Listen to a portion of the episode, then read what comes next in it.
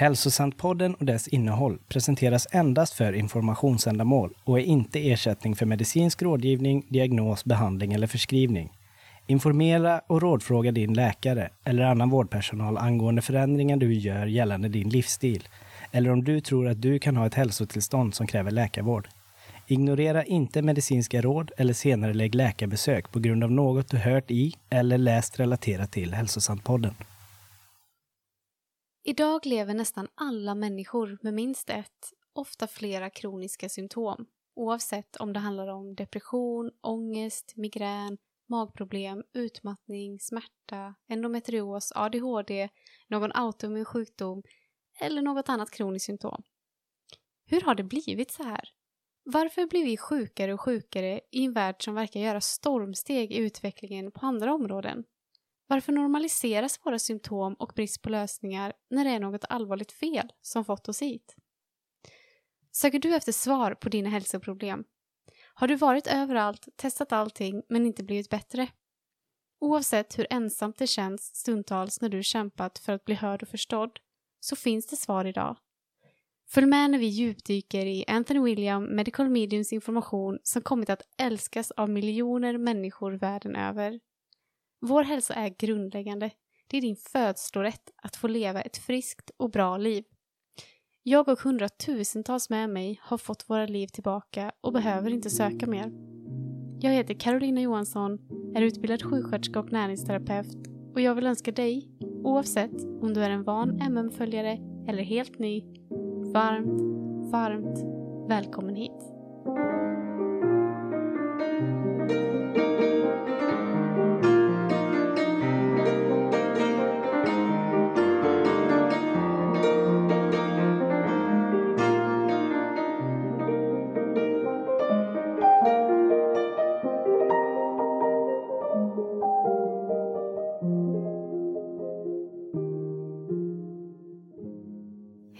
Allesammans!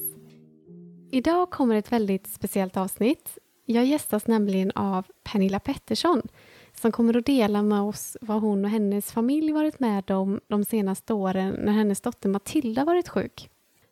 Och jag är väldigt glad och tacksam att Pernilla ville dela med sig av deras resa.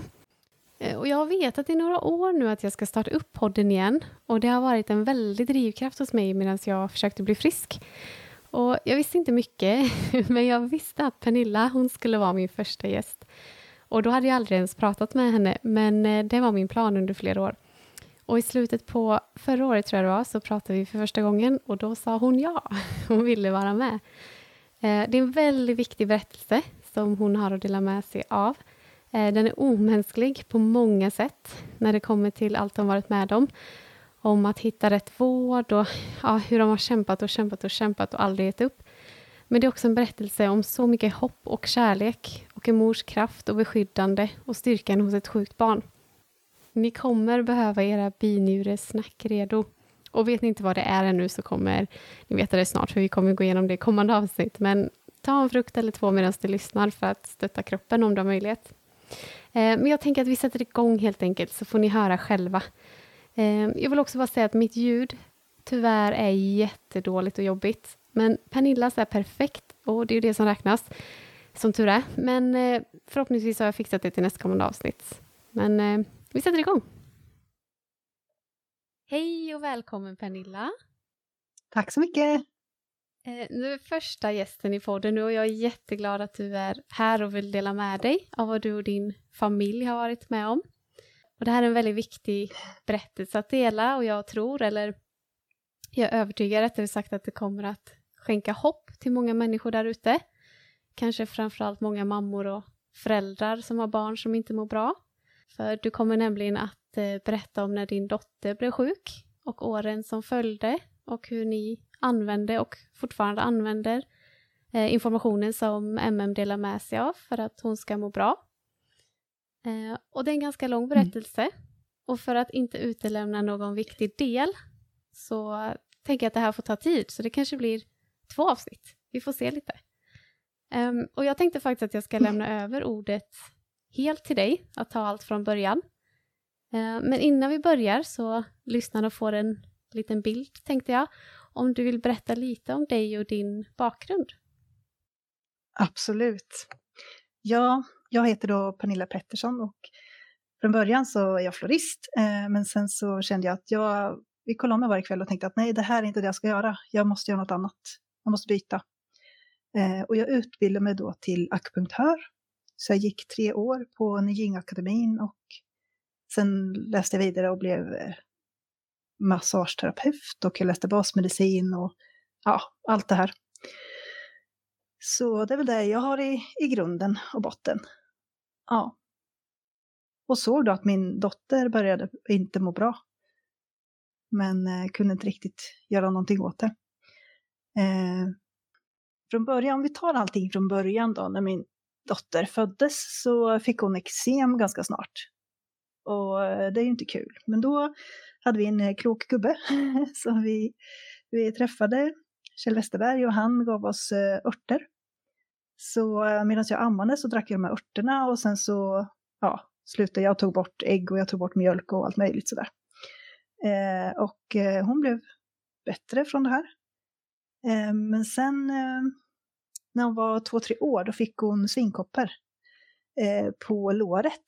Ja, några stycken sådär. Ja, så går man ju eller gick jag till, om jag var på BVC eller något sånt där och vart vidare skickad och eh, de plastade in det här och fixade och till slut så var det en enda jättestor blåsa över hela låret.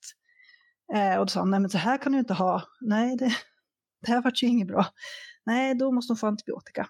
Så då fick hon antibiotika och eksem över hela kroppen direkt. Så gick jag tillbaka till doktorn och sa att eh, det här går inte med antibiotikan för att eh, hon har fått eksem. Och då fick jag hjärtens utskällning för att eh, jag inte hade fixat eksemet till min dotter. För jag kunde inte tro att eksemet skulle, eller att svinkopporna och såret skulle läka på benet om jag inte tog hand om hennes eksem. Så sa jag, fast nu är det så här att svinkopporna kom först och det var eksemet som kom efter antibiotikan. Och alltså vi kunde inte prata med varandra, den läkaren och jag, utan jag fick be om en annan läkare. Då kom det in en jättetrevlig äldre man och förklarade precis hur svinkoppor fungerar och, och sådär och sa att det här kommer nog ordna sig och eh, ta det bara lugnt så kommer det gå över. Så gick jag hem och fick reda på annat sätt att jag kunde använda grapefruktkärnextrakt. Så hon fick några droppar i varje dag i apelsinjuice. Och det gick över ganska snart. Och så körde vi mörter och grejer igen och eksemet vart ju bättre liksom och försvann. Men det tog tid. Så eh, redan där liksom hade jag på något vis liksom tappat lite eh, vad ska man säga, förtroende för sjukvården. Eh, och det var väl flera saker eh, också som hade hänt innan då. Och eh, sen såg jag liksom vart efter att ja, men hon blev, hon gick på, på dagis så fick hon eh, vita fingrar när hon var ute och lekte. Hon vägrade vanta på sig dessutom och dagispersonalen bara hon har vita fingrar och hur ska det här bli och det här är inte bra och jätteoroliga.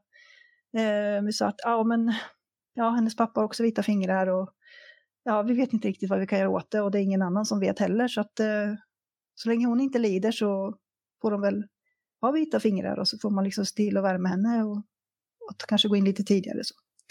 Det var ju liksom ingenting mer med det, utan det var ju inte så konstigt. Sen eh, blev hon blekare och lite mörkare under ögonen och sådär. Hon gick sex års och sådär. Och vi försökte, det, hon fick vitaminer och det var lite örter och det var lite allt möjligt sådär. Och vi försökte, vi drack ingen mjölk och, och så. Men alltså, det vart inte riktigt bra. Hon vart stel i nacken bitvis sådär.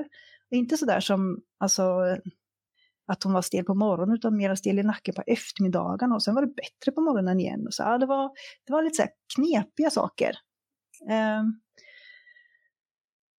men sen i sju, när hon var sju år och gick i ettan, då blev det akut, akut inflammation i hela kroppen, alltså varenda led. Eh, alltså vi kunde inte sätta oss i sängen bredvid henne för att då rörde sig liksom kroppen och hon bara skrek. Och vi, vi liksom fick eh, försöka bära henne till toaletten så hon kunde kissa och det var så här fruktansvärt.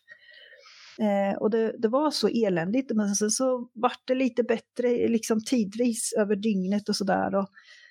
Vi åkte till lasarettet såklart. Eh, blev hemskickade två gånger för de tyckte nej men det där är ju ingenting, det där är nog inget allvarligt, det går nog över. Eh, och jag sa, nej men det här är något, är något allvarligt, ni måste ändå ta ett blodprov eller något, det är något som är allvarligt fel.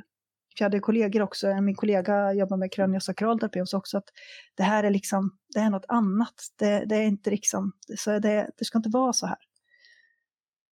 Så fick vi papper hem då. Ja, HB var 124. Det var det enda de hade tagit. Så tredje gången vi åkte in till lasarettet, då, då blev vi tagna på allvar. Men det förstod inte jag först, för jag tänkte att det här är ett dårhus, vi måste härifrån. Men det visade sig att den här läkaren som var fantastisk och jättebra, men han hörde inte, utan han var döv, så därför fungerar inte ni vet, kommunikationen som det brukar. Så innan han liksom svarade på våra frågor och, och, sa att nej men nu måste ni åka in, jag ringer direkt till Norrköping och ni kommer få komma till barnavdelningen, till barnmottagningen där och ni kommer förmodligen få träffa en reumatolog så ska vi utreda saken. Så han fattade ju alltihopa på en gång. så eh, vi kom dit och eh, fick ju då prova på eh, västerländsk medicin, vad säger man, vanlig sjukvårdsmedicin. Kortison som är så ja, hatat och fantastiskt för man får ju väldigt snabba resultat. mm. eh, och mycket annat. Och jag var ju väldigt, har ju hela tiden varit väldigt så här att jag vill verkligen veta varför. Varför gör ni så här och vad har vi för alternativ? Eh, måste man göra det här? eh, så jag är en ganska jobbig mamma eh, för många. Du vill veta vad, vad behandlingen innebär och varför man gör dem? Ja, precis. Och finns det några alternativ? Och vad, är det för, vad kommer hända i längden efter det här då? Vad gör man då? Vad har man för tänk framöver? Hur, hur ska det, allting bli bra? Hur ska det lösa sig? Hur ska hon bli frisk igen? Och sådana saker. Men tyvärr har de inte så mycket att säga. Nej, men vi vet inte riktigt. Det, nej, vi vet inte riktigt. Utan det här är ju något man får leva med och det är ju ofta det man får höra.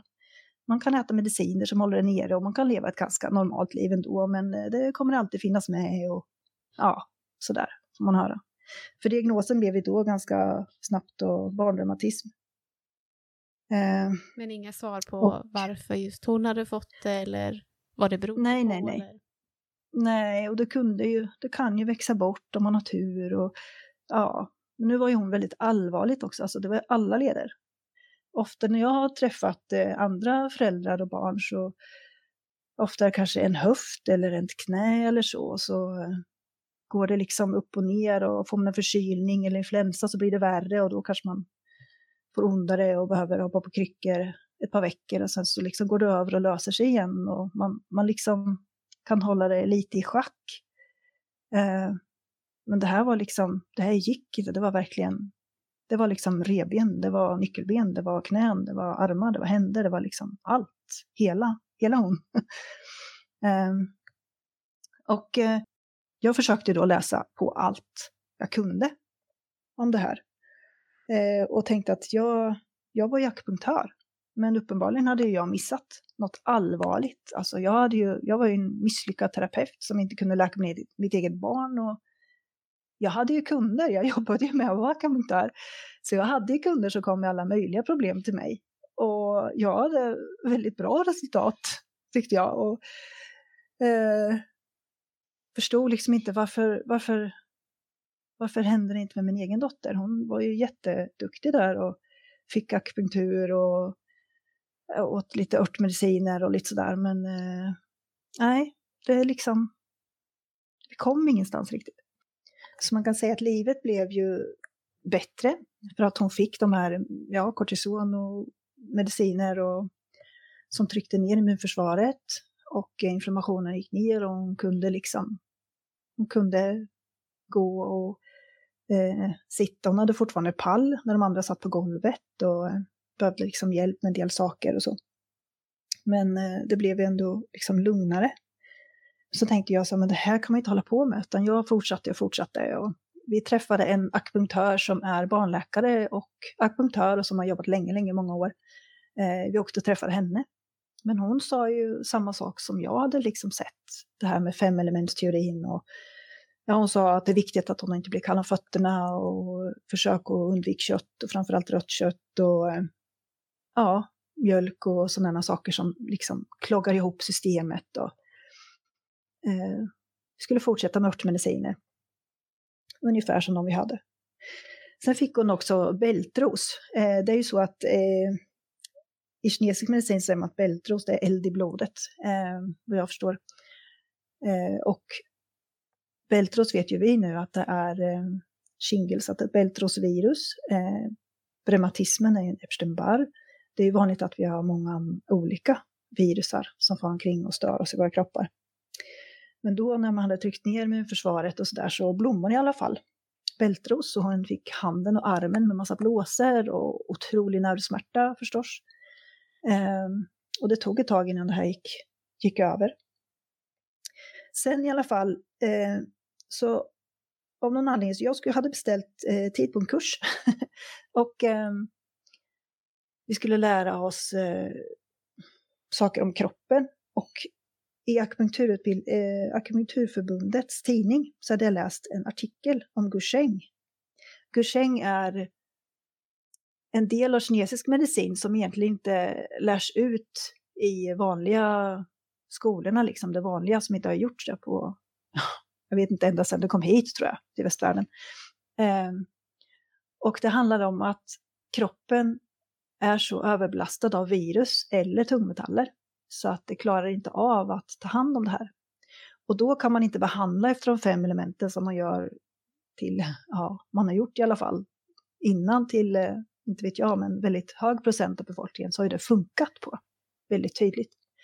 Men eh, i det här fallet så gör det inte det, utan man måste ha en helt annan approach och det innebär att man använder bara, istället för att man har 365 punkter på varje sida av kroppen att välja på att behandla, så blir det bara liksom 13 punkter kvar. De kallas för spökpunkter, eller ghost points. Och istället för att man äter mycket stärkande örtmediciner och sådär så ska alla, varje medicin man tar in, eh, örtmedicin då, ska ha något virus eller bakteriedödande i sig. Mm.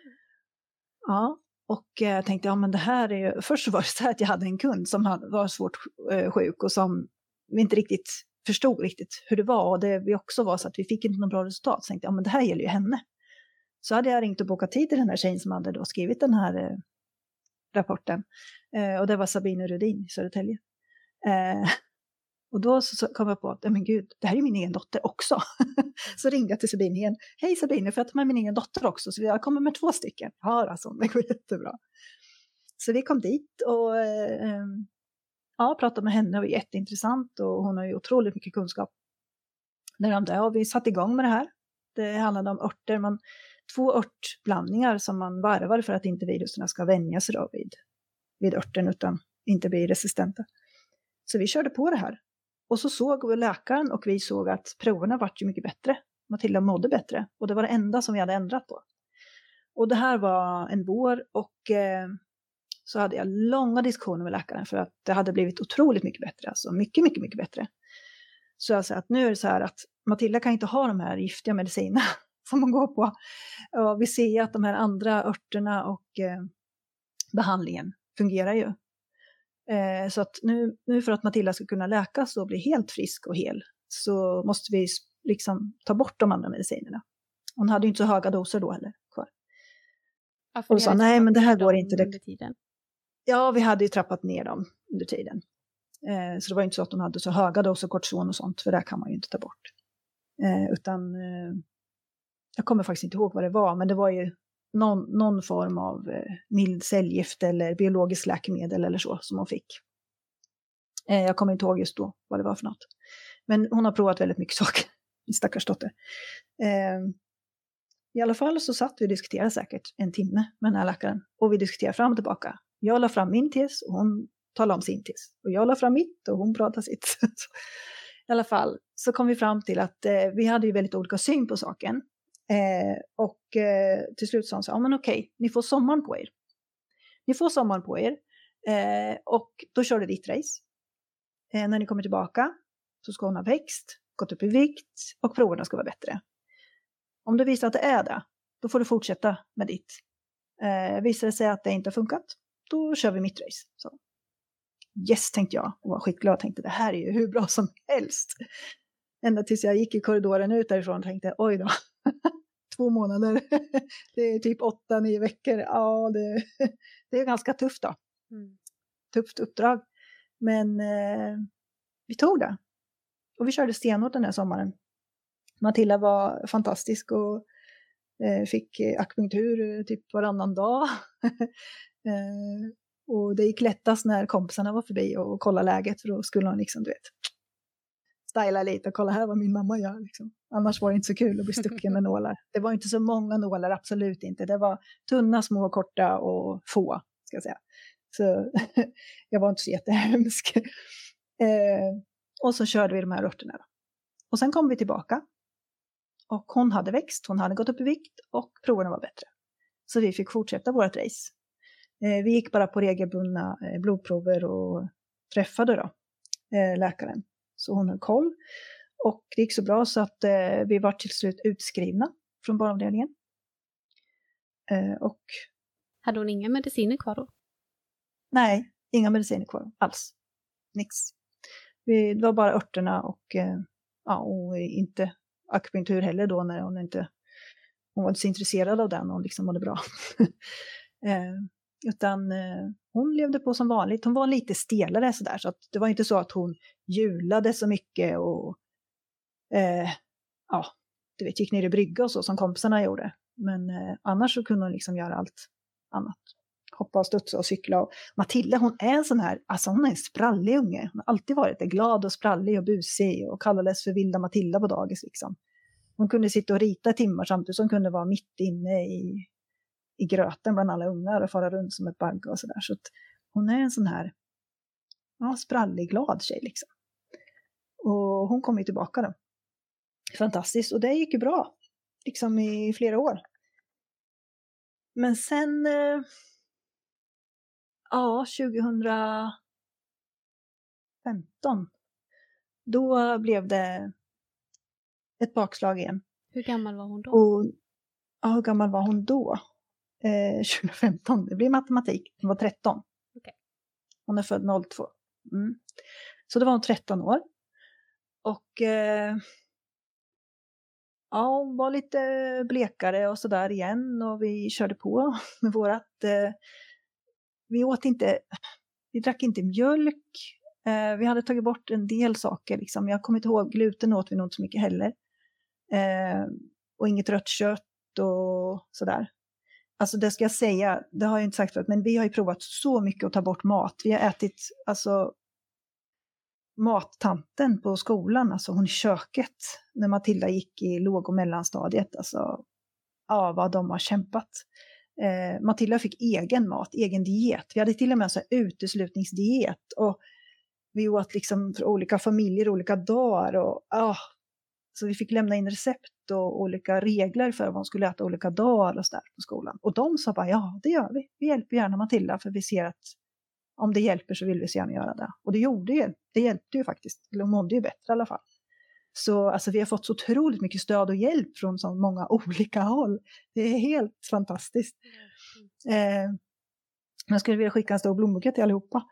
Eh, men alltså, då så började hon eh, blivit stelare sa vi, ja men då hade hon fått en sån här rehabresa till eh, Marbella i Spanien.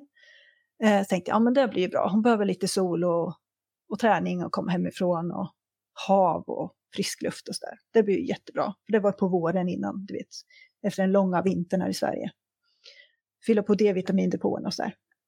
Så vi kom dit och eh, ja, hon hade det väl bra sådär, men eh, dels så, ja du vet, det är vanlig läkaren säger att ja, men du är egentligen sjukare än vad du tror. Och det är inga så här glädjebesked direkt, tyvärr alltså.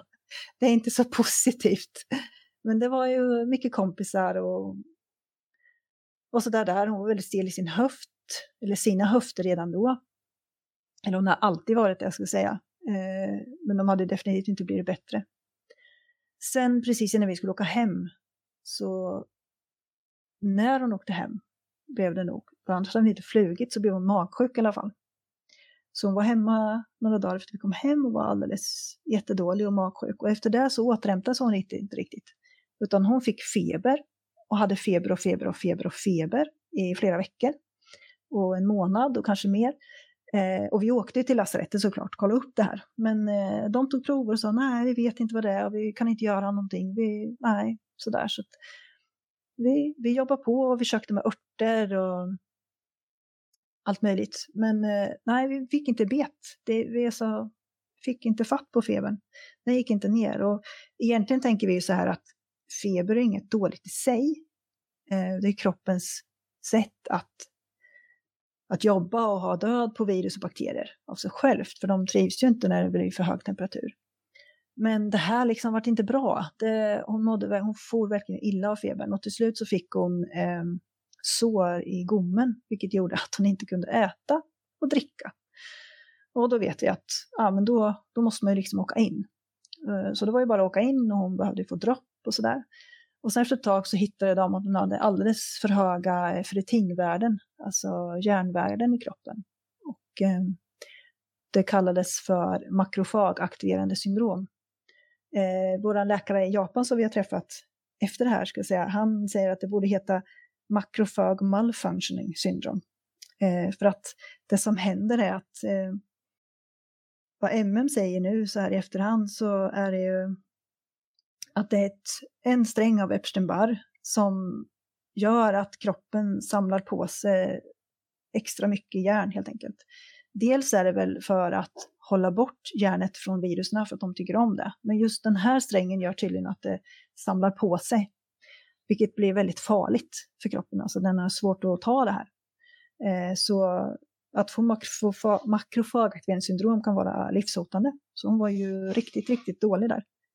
Och i Sverige idag så ger man eh, höga doser kortison eh, för att häva det här. De fick eh, ett helt gram direkt intravenöst in i blodet. Eh, och eh, ah, jag satt och vakade över henne. Jag vägrade att sova. För hon var så tunn och så blek och sov och andades så långsamt. Och eh, ja, det var riktigt otäckt. Eh, men eh, hon repades efter det här och efter någon vecka så orkade väl hon gå liksom en bit i korridoren och vi fick åka hem. Och så var det snart semester. Så tänkte vi, ja vad skönt, då ska vi liksom återhämta oss du vet, på semestern och sådär. Men eh, vi hade hyrt en stuga på Öland, så vi åkte till Öland och Matilda började få så ont i höften. Alltså riktigt ont i höften. Så hon kunde inte gå och hon kunde inte sova för det gjorde så ont på nätterna. Så vi tittade på film på nätterna, bar henne till stranden på dagarna. Om vi var iväg någonstans, i ett Byxelkrok eller så, så då hyrde vi cykel till henne så att hon kunde sitta på cykeln. För att vi, alltså hon är ändå ganska stor. Eh, man kan inte bära runt på ett barn och det är inte kul att bli buren heller. För att man inte kan gå liksom. Och sen höll det där i sig och vi, vi var inne till läkarna då med och sa nej, vi vet inte varför ont i höften och sådär. För att eh, nej, eh, vi vet inte riktigt. Och allra först i början tänkte jag att ja, men det är för att hon har sytt så mycket symaskin när hon kom hem. För Matilda hon är en sån här kreatör. Så att hon, eh, virkar, stickar och syr och målar och ritar och gör saker. Det är liksom hennes terapi. Så tänkte jag att hon har kört så mycket symaskin. så det är därför det har varit lite muskel, muskelkört. Och hon har ju varit så dålig liksom. Men det tog ju bara ett par dagar innan man förstod att det var det inte. Ehm, så till slut så fick vi i alla fall träffa en ortoped och då sa han, men det här är ju inte alls konstigt. Det här är ju väldigt vanligt att man får liksom, för att eh, får man höga doser kortison eller höga doser cellgifter så är det vanligt att det sätter sig i en led och bryter ner den, sa han. Så ni kan vara glada att det bara är en led. Ja. Men varför var ingen som visste det? Varför ingen som kunde ha kommit på det tidigare eller pratat om det? Nej, det vet jag inte, sa han, men det vet alla, sa han. Ja, uppenbarligen inte, sa vi då. för det visste inte vi. Eh, och eh, han såg ju då också, och jag såg på röntgenbilderna, när jag såg röntgenbilderna då, då svartnade det för mina ögon alltså. jag är inte läkare på något sätt, men jag har ju ändå, ja jag har ju lite utbildning såklart, men det syntes alltså tydligt att det här var inte en frisk led alltså. Skålen var trasig och kulan var trasig. Den hade alltså förverkt sig helt och hållet och brutits ner liksom. Och den smärta som hon hade haft, den var ju fruktansvärd alltså. Hon fick ju morfin och åt det och eh, hon blev så dålig eh, så att höftleden var så otroligt smärtsam så att på nätterna, alltså hon kunde sitta, hon fick rullstol då, eh, så hon kunde sitta Hon kunde ligga raklång. Eh, men däremellan var det ju liksom jättehemskt. Så att eh, höftleden så kan man säga inte alls bra ut. och eh, någonting var ju tvunget att göras. Och ortopederna de hade möte och diskuterade hur kan man göra med just Matilda då. Hon var inte färdigväxt. Eh, eh, skelettet var väl inte sådär jättestarkt och eh, hon hade ju fruktansvärd smärta och kunde absolut inte röra sig så mycket. Så Matilda fick välja om hon skulle få en ny höftled, vilket förmodligen skulle behöva byta sen då eftersom den höftprotesen förmodligen skulle bli för liten efter några år. Eh, eller så fick hon välja på en distraktionsställning. Och en distraktionsställning är att man sätter tre skruvar i bäckenet, tre skruvar i lårbenet och så ett jättestort eh, gångjärn utanför kroppen. Då. Ehm, eh, och så med det här, på det här sättet så drar man isär höftleden så att det blir mellan kulan och skålen så blir det, jag tror det var tre millimeters mellanrum. Så att eh, de här ytorna, liksom, ledytorna, ska få läka i fred. Istället för att liksom gnaga på varandra hela tiden. Och eh, den ställningen skulle man ha i fyra månader. Och vi diskuterade fram och tillbaka. Hur gör vi bäst liksom? Och vi pratade med flera olika, ja, alla vi kunde komma på och prata och diskutera det här med. Kom fram till att, ja men, distraktionsställningen kanske ändå är det bästa att börja med om inte det här funkar så har vi ju att byta leden kvar. Liksom. Så att eh, den valde Matilda. Men det var ju väntetid på det här också. Och eh, under tiden då, jag var ju ganska desperat efter att alltså, vi måste ju lösa det, vi kan inte hålla på så här. Det är ju någonting som vi behöver göra mera och jag visste inte vad vi kunde göra. Då hade jag en kollega som haft en Bicom-apparat som jag tyckte var spännande. Bicom är alltså en biomedicinsk frekvensmaskin. Så, så man kan jobba som akupunktur i, längs meridianerna och, och med mycket annat, fast att man sticker inga nålar, utan det går in som en frekvens i kroppen bara. Och den här apparaten tyckte jag, den var spännande då, men jag tänkte nej, nej, jag gör det jag gör, jag orkar inte läsa på en massa mer, jag vill inte investera för en ganska dyr apparat. Så jag hade hoppat över det. Men nu helt plötsligt så var jag desperat och ringde då till eh, Olle som sålde de här och pratade med honom och ställde 200 frågor som han svarade ganska bra på. För att det slutade med att jag köpte den här apparaten. Då sa jag så här, om jag ska köpa den här apparaten så eh, vill jag att ni kommer hem och har den här introduktionskursen med mig hemma.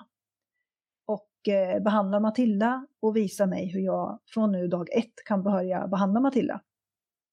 Och då sa han, ja visst gör vi. Så då kom Marcus Johansson hem till mig Eh, han jobbar på Allergakliniken. Och eh, ja, en fantastisk man. Och eh, han var hemma hos oss i två dagar tror jag. Eh, och behandlade Matilda. Eh, när hon, alltså hon hade ju som smärta i höftleden. Alltså hon åt ju kortison, eller vad säger jag, eh, morfin då. dag och natt, långtidsverkande och allt möjligt. och Ändå så var det så att hon kunde sitta i rullstolen, eh, hon kunde ligga ner. Men däremellan var det ju fruktansvärt alltså. Så att på kvällen när hon skulle lägga sig i sängen, vi fick ha en madrass på golvet. Vi fick liksom lyfta henne upp ifrån rullstolen och så bära henne fram till madrassen och sen sakta, sakta bara försöka lägga henne rakt bakåt och rakt ner liksom. Minsta lilla sån här vet, sidosnäpp eller vet man tappar balansen lite så här, då ah, gjorde det jätteont på henne så då grät ju hon en halvtimme typ. Eh, och så hon kunde inte vända sig själv i säng eller hon kunde liksom inte ta sig därifrån själv. Så att vi hade ett gosedjur med henne eh, med ett snöre om som gick upp i en krok i taket i hennes rum eh, och tak, i taket bort till vårat sovrum och ner bredvid min, mitt sängbord, där på mitt sängbord. Och eh, där hade jag en sån här speldosa. Så när hon drog i sitt gosedjur i sitt rum så lyfte sig speldosan på min mitt nattduksbord och då plingade det och vaknade jag. eh, ja, så att hon kände att hon kunde få hjälp för att eh, hon käkar morfin också. Att det vet ju många som har provat det, att det blir man oftast inte så kul av. Eh, många blir deprimerade och inåtbundna och sådär. Hon blev verkligen inåtbunden och deprimerad och eh, tyst. Så hon hade svårt att skrika, hon svårt att prata överhuvudtaget. Eh, och säkert när hon mådde liksom dåligt. Så, så det, det gjorde att jag kunde ändå sova i, i min säng, hon kunde sova i sin säng och ändå få lite lugn och ro och veta att det händer något. Eh, så var läget. Men sen efter att Marcus hade varit de här två dagarna och behandlat henne och fixat och grejat och berättat för mig hur det funkar och sådär. Så eh, på natten därefter Marcus hade åkt hem så gick jag bara upp och kollade läget med henne. Då hade hon dragit upp sina ben själv och lagt sig på sidan och sov fortfarande. Det här hade liksom inte, det här hade inte varit möjligt innan.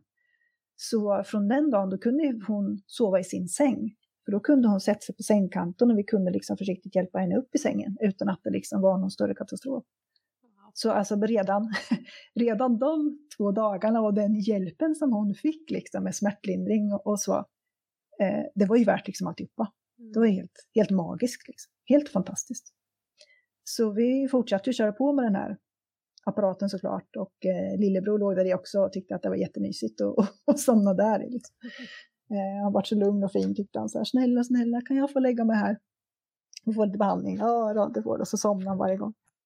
Eh, så ja, det var häftigt. Det var liksom också, vi kom vidare liksom, ett steg. Eh, sen fick hon den här, eh, eller ja, livet hemma var alltså det var inte så kul kan man säga. Det var ju liksom, allt var ju liksom bara piss och skit egentligen. För att, ja, ont och smärtsamt och, och eh, alltså, livet var så himla tufft på så många sätt. Eh, och då sa läkaren så här, det här kommer ta tid innan ni får tid för den här. Eh, och försök, försök att göra något roligt, alltså kan ni inte åka på någon resa eller något? Ja, det vore ju kul liksom. Då, sa, då pratade jag med Försäkringskassan och jag pratade med landstinget och så där. Ja, men då kunde man ju få en egen. Man, jag sa, Matilda är ju så sjuk eller har så ont så hon kan inte åka på en vanlig så här, träningsresa. Det är ju liksom helt, glömma bort. Det är helt omöjligt. Men då sa ja, men man kan ju åka på en egen rehabresa eller Eh, sådär då. Ja, då får man liksom söka till Försäkringskassan i förväg och få det klart. Och så behöver man ju ha någon sjukgymnast eller något där nere som hjälper en och sådär. Ja, så vi forskar på det här och sen var det en annan familj som vi känner som också behövde komma iväg och, och ta semester från livet kan man säga. För det var ju det vi ville. För ni väntar liksom, fortfarande nu på den här distraktionsställningen? Vi väntade på distraktionsställningen, ja. Så att vi åkte iväg på en resa till eh, Gran Canaria eh, och träffade en sjukgymnast där och vi fick låna eh, Svenska Re, tror jag hette, deras eh, varmvattenbassäng eh, och sådär på lunchen. Och, eh, ja, vi hade liksom löst det bra tyckte vi och vi hade två, två veckor var vi där tror jag. Det var i alla fall jätteskönt för alla inblandade. Matilda mådde ju fortfarande inte bra, men eh, det var liksom se något annat. Vi kunde bära henne ut i havet, du vet hon kunde simma, hon är som en fisk i vattnet. Hon älskar vatten. Så att, eh, ja, det var liksom, ja det var underbart. Skönt. Och just glömma bort allt det här tråkiga på något vis. Även om vi hade med oss så var inte det så, det var liksom inte det som var grejen. Utan vi kunde bara vara och äta och spela kort och bada i poolen och sova. mm. Ja, det var riktigt, riktigt härligt. Sen kom vi hem därifrån. Och så fick hon tid för den här eh, distraktionsställningen. Så i december fick hon eh, den. Och eh, det var jättehemskt. det var hemskt redan från att hon vaknade upp. Efter att hon hade fått den. Eh, hon bara låg där och skrek ta bort den, ta bort den, ta bort den. Ni måste söva mig, ni måste ringa dit nu. Söva mig och ta bort den. Jag kan inte ha det här, det går inte, går inte, går inte. Det är fruktansvärt, det gör så ont och det är så hemskt. Och, ja, hon var helt, helt, helt förtvivlad. Och hon som inte hade pratat så mycket, hon, hon var helt ja. Så eh, jag klarade inte det där själv den natten, utan jag fick ringa till hennes, hennes pappa som kom och tog över. Eh, och sen hade hon komplikationer med den där i tre månader, tror jag, av fyra. Det var inflammation och det var, du vet, vaniljsås och antibiotika och det vart, eh, hon fick biologiskt läkemedel, sänkan jätte, jätte blev ju jättehög och hela kroppen liksom äh, det var inte alls bra. Så det var, ja, det var ett rent helvete, ska vi säga. Och det är ju, alltså, och, det, är, det är ju grova, ja. vad ska man säga, skruvar eller vad det är som går in i Ja, du, bilden Carolina, eh, det är alltså, de sticker ut en decimeter åtminstone, 10 centimeter utanför Mm. kroppen. Och så sitter ju där jättegångjärnet där utanför. Liksom. Och, så, och då är det ju så här att eh, man kan ju skruva i kroppen, det kan ju, behöver inte kännas alls. Men alltså hennes nervsystem var ju så påverkad och hon var ju högkänslig. Hon är en väldigt känslig person, alltså i överhuvudtaget sensibel, sensibel kan man säga. Eh, och när, så fort man ska liksom tvätta de här, man var ju tvätt, tvungen att tvätta mycket med sprit och annat eh, runt de här skruvarna för att det ska hållas rent. Liksom. Varje gång man kom emot en sån här skruv så var ju det som en sån här, eh, vad heter det, det var som en resonans. Så hela vibrationen gick ju liksom upp i huvudet, liksom, och in i hela skelettet. Så det liksom durrade i hela skelettet så fort man kom emot en sån här skruv. Mm. Ja. Och då när man har liksom redan ont och man är jättetrött och nervsystemet är verkligen pff, i högspänning. Så ja, det är hemskt liksom. Eh, ja. Så nej, det var, det, var, det var inte hennes grej riktigt. Jag hoppas, hoppas, hoppas verkligen att andra har fått hjälp av den där ställningen och det inte alls har varit lika komplicerat. Utan för att eh, sista månaden då gick det ju faktiskt mycket bättre. Då hade saker och ting lugnat sig och eh, ja, hon var lite mera ja, rörlig själv och lite piggare och så. Så den togs bort då i alla fall i april 2000, kan det ha varit då? Jag kommer inte ihåg riktigt. 2016 kanske, Mm. tror jag det var. Och eh, då hade ju hon eh, inte kunnat gå på ganska länge. Men då kunde hon gå. Hon kunde gå på det här benet och den här höften, för det hade läkt ihop. Så hon hade ingen smärta när hon gick och sådär, så vi började ju försiktigt. Hon fick liksom lära sig att gå igen. Man säger, alltså hon gick ju med kryckor då.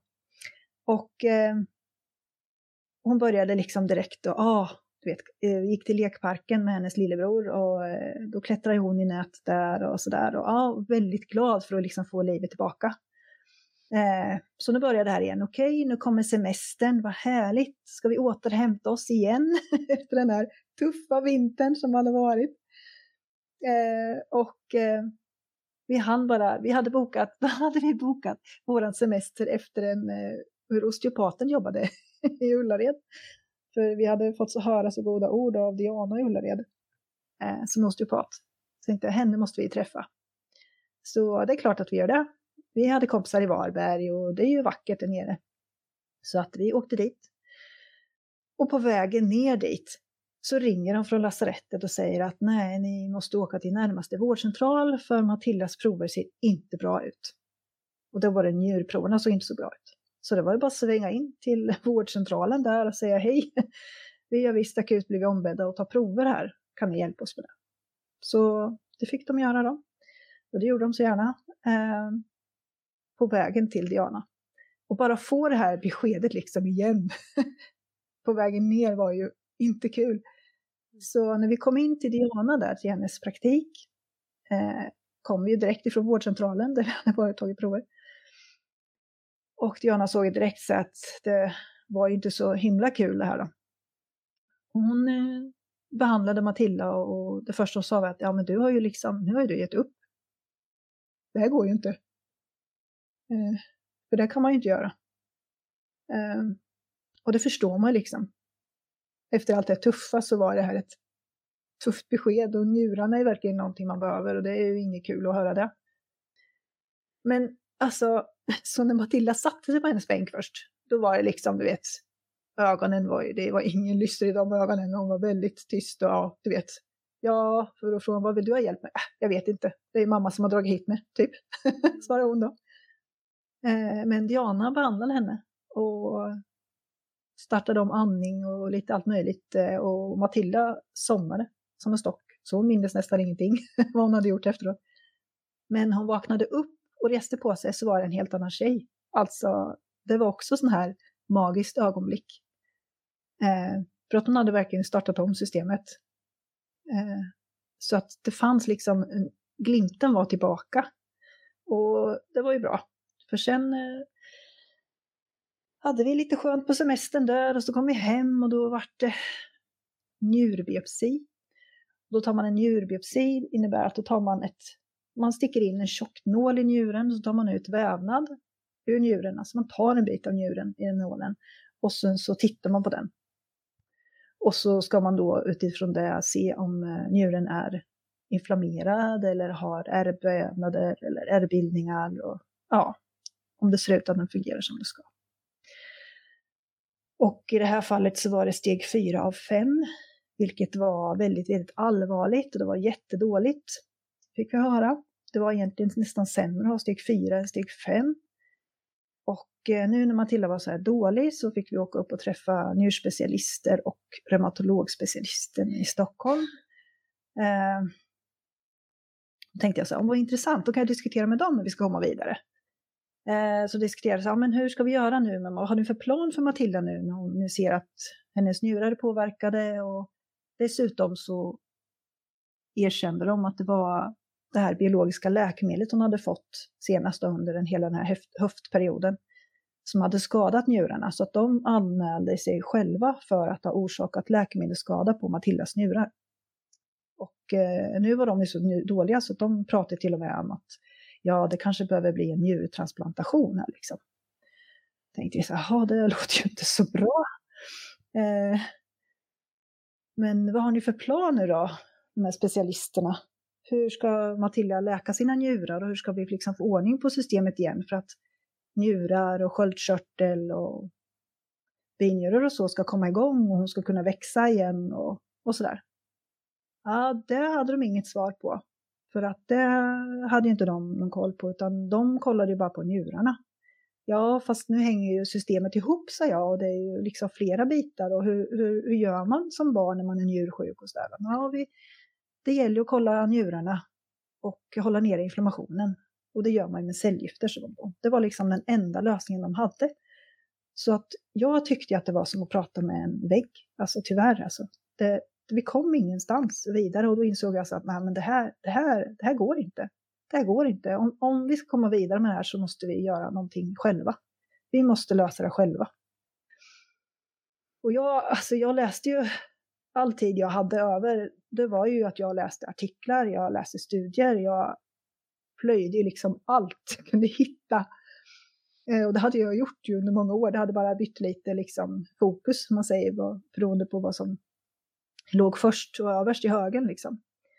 Men i alla fall så tittade jag på The Truth About Cancer. Det är ju en, en filmserie som handlar just om, om olika cancerbehandlingar och hur man kan göra och sådär. Och vad kan, orsaker kan vara och så. Och där i alla fall så var det ett avsnitt på kanske tre minuter, eller en, en del i ett avsnitt som var tre minuter. Det var en läkare som pratade om eh, MAF, Macrophage Activating Factor, och eh, hon pratade om det och makrofagaktiverande syndrom. Bland annat. Och höja immunitet och så. Och Matilda hade under den här tiden också fått ett bakslag med makrofagaktiverande syndrom igen. Alltså det eh, men det liksom, hjärnet? Ja, det förhöjda hjärnet. Ferritinvärdena blev för höga. Så tänkte jag, men det är det här, det här måste vi ha. Så då googlade jag runt och så mejlade jag runt i världen. jag mejlade till, eh, jag tror ja, det var eh, Brasilien, det var Tyskland, det var Madrid och det var eh, Japan. Och jag mejlade till Ty, ja, Ty Bollinger då, som har gjort den här The Truth About Cancer. Och hans team och frågade så här, ni som har varit överallt och har erfarenhet, vart är bäst? Om vi behöver en läkare och det här med preparatet, eh, var ska vi åka? Då sa de Japan är bäst. Och så har jag en kompis som är lite medial, hon sa ja, Japan är bäst. Och jag diskuterade med läkaren också, barnläkaren. För att vi har alltid haft öppna kort. Det ska jag säga. För att jag vet ju att de som jobbar i sjukvården, alltså de 99,9 procent är ju så att de vill ju hjälpa människor. De gör ju allt för att vi ska må bra. Det är bara det att de, jag kan tycka att de har lite tvivelaktiga eh, verktyg då. Och att utbildningen inte riktigt har gett dem det de behöver. Eh, så att jag vet att de vill väl och jag har hela tiden tänkt att det är viktigt att de vet vad vi gör och de vet var vi står och att vi är ärliga mot varandra. Liksom. Så att eh, jag har hela tiden berättat allt liksom, och diskuterat allt. Och jag diskuterade även det här med barnläkaren. Eh, och hon, hon var ju härdad i det här laget. Så. Hon sa ja, ja, ja, alltså snälla, snälla Brasilien, nej, det känns inte bra alltså med alla bakterier och allt sånt där. Men Japan är ju ett ganska rent land så åh, det, det skulle ju jag föredra i så fall. Eh, och vi satt verkligen rävsax här för att sjukvården ville ge cellgifter. Vi vill absolut inte ha cellgifter och jag förklarade att jag har ett barn som är sjukt och ni vill ge henne gifter. Alltså, det, är ju helt, det måste vara helt fel. Förstår ni inte att hon är redan sjuk? Ni kan inte spruta in gifter i henne då. Det, är liksom, det går emot allt vad hela min kropp säger och, och alltså, det, det, funkar ju inte. Men det är ju där man har då, som verktyg. och eh, de hotade med socialen. för att, eh, du vet, när man, när man, som läkare så ska man ju ta ansvar för barnen. Och eh, om föräldrarna anses vara en fara för sitt eget barn så måste ju de tas ur spel. Så då blir det så här att nej, men om, om ni säger nej till cellgifterna här och Matilda som gör det så dåliga, då måste vi ta kontakt med socialen så får de ta vårdnaden från, från ditt barn. Liksom. så ja, det var helt galet. Eh, men eh, jag i alla fall mejlade då till, eh, eller hade mejlat Japan och jag fick svar därifrån och väldigt bra svar. Och de skrev att ja, ni är hjärtligt välkomna. Och jag ska säga att vi har redan en flicka som jag behandlat här som eh, är liknande problem som Matilda med reumatism och ont i leder och, och eh, eh, medicinska skador och så. Och vi har fått otroligt bra resultat redan på fem veckor här med henne. Så att eh, om ni vill komma så är ni välkomna.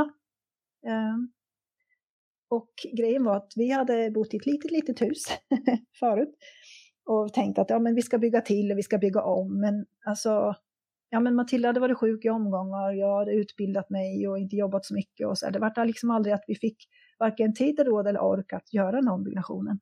Så att vi sa att vi säljer huset, flyttar till lägenhet och så vet vi hur mycket pengar vi har då. För vi hade ju samlat pengar för att kunna köpa ett nytt hus då, ett större ställe. Så vi hade precis flyttat till den här lägenheten och hade våran kontantinsats. Så eh, jag pratade med min man, då, det är inte Matildas pappa, utan jag pratade med Matildas pappa och frågade om jag fick ta med mig Matilda till Japan. Ja, visst gör det, sa han. Jag, jag vill inte följa med, men visst, ni får åka om ni vill. Om ni tror att det är rätt. Och så pratade jag med min man och sa, ja, han sa, vad ska vi göra? Ja, ja, vi får åka till Japan, sa jag. Jaha, är det det som måste göras får ni göra det då. Ja, jag tar alla våra pengar. Jag gör det, säger han då. Så att eh, jag tog eh, alla våra pengar eh, åkte till Japan. Eh, på, alltså, vi visste att vi skulle till en klinik. Eh, vi åkte flyg dit, vi tog bussen och sen tog vi taxi sista biten.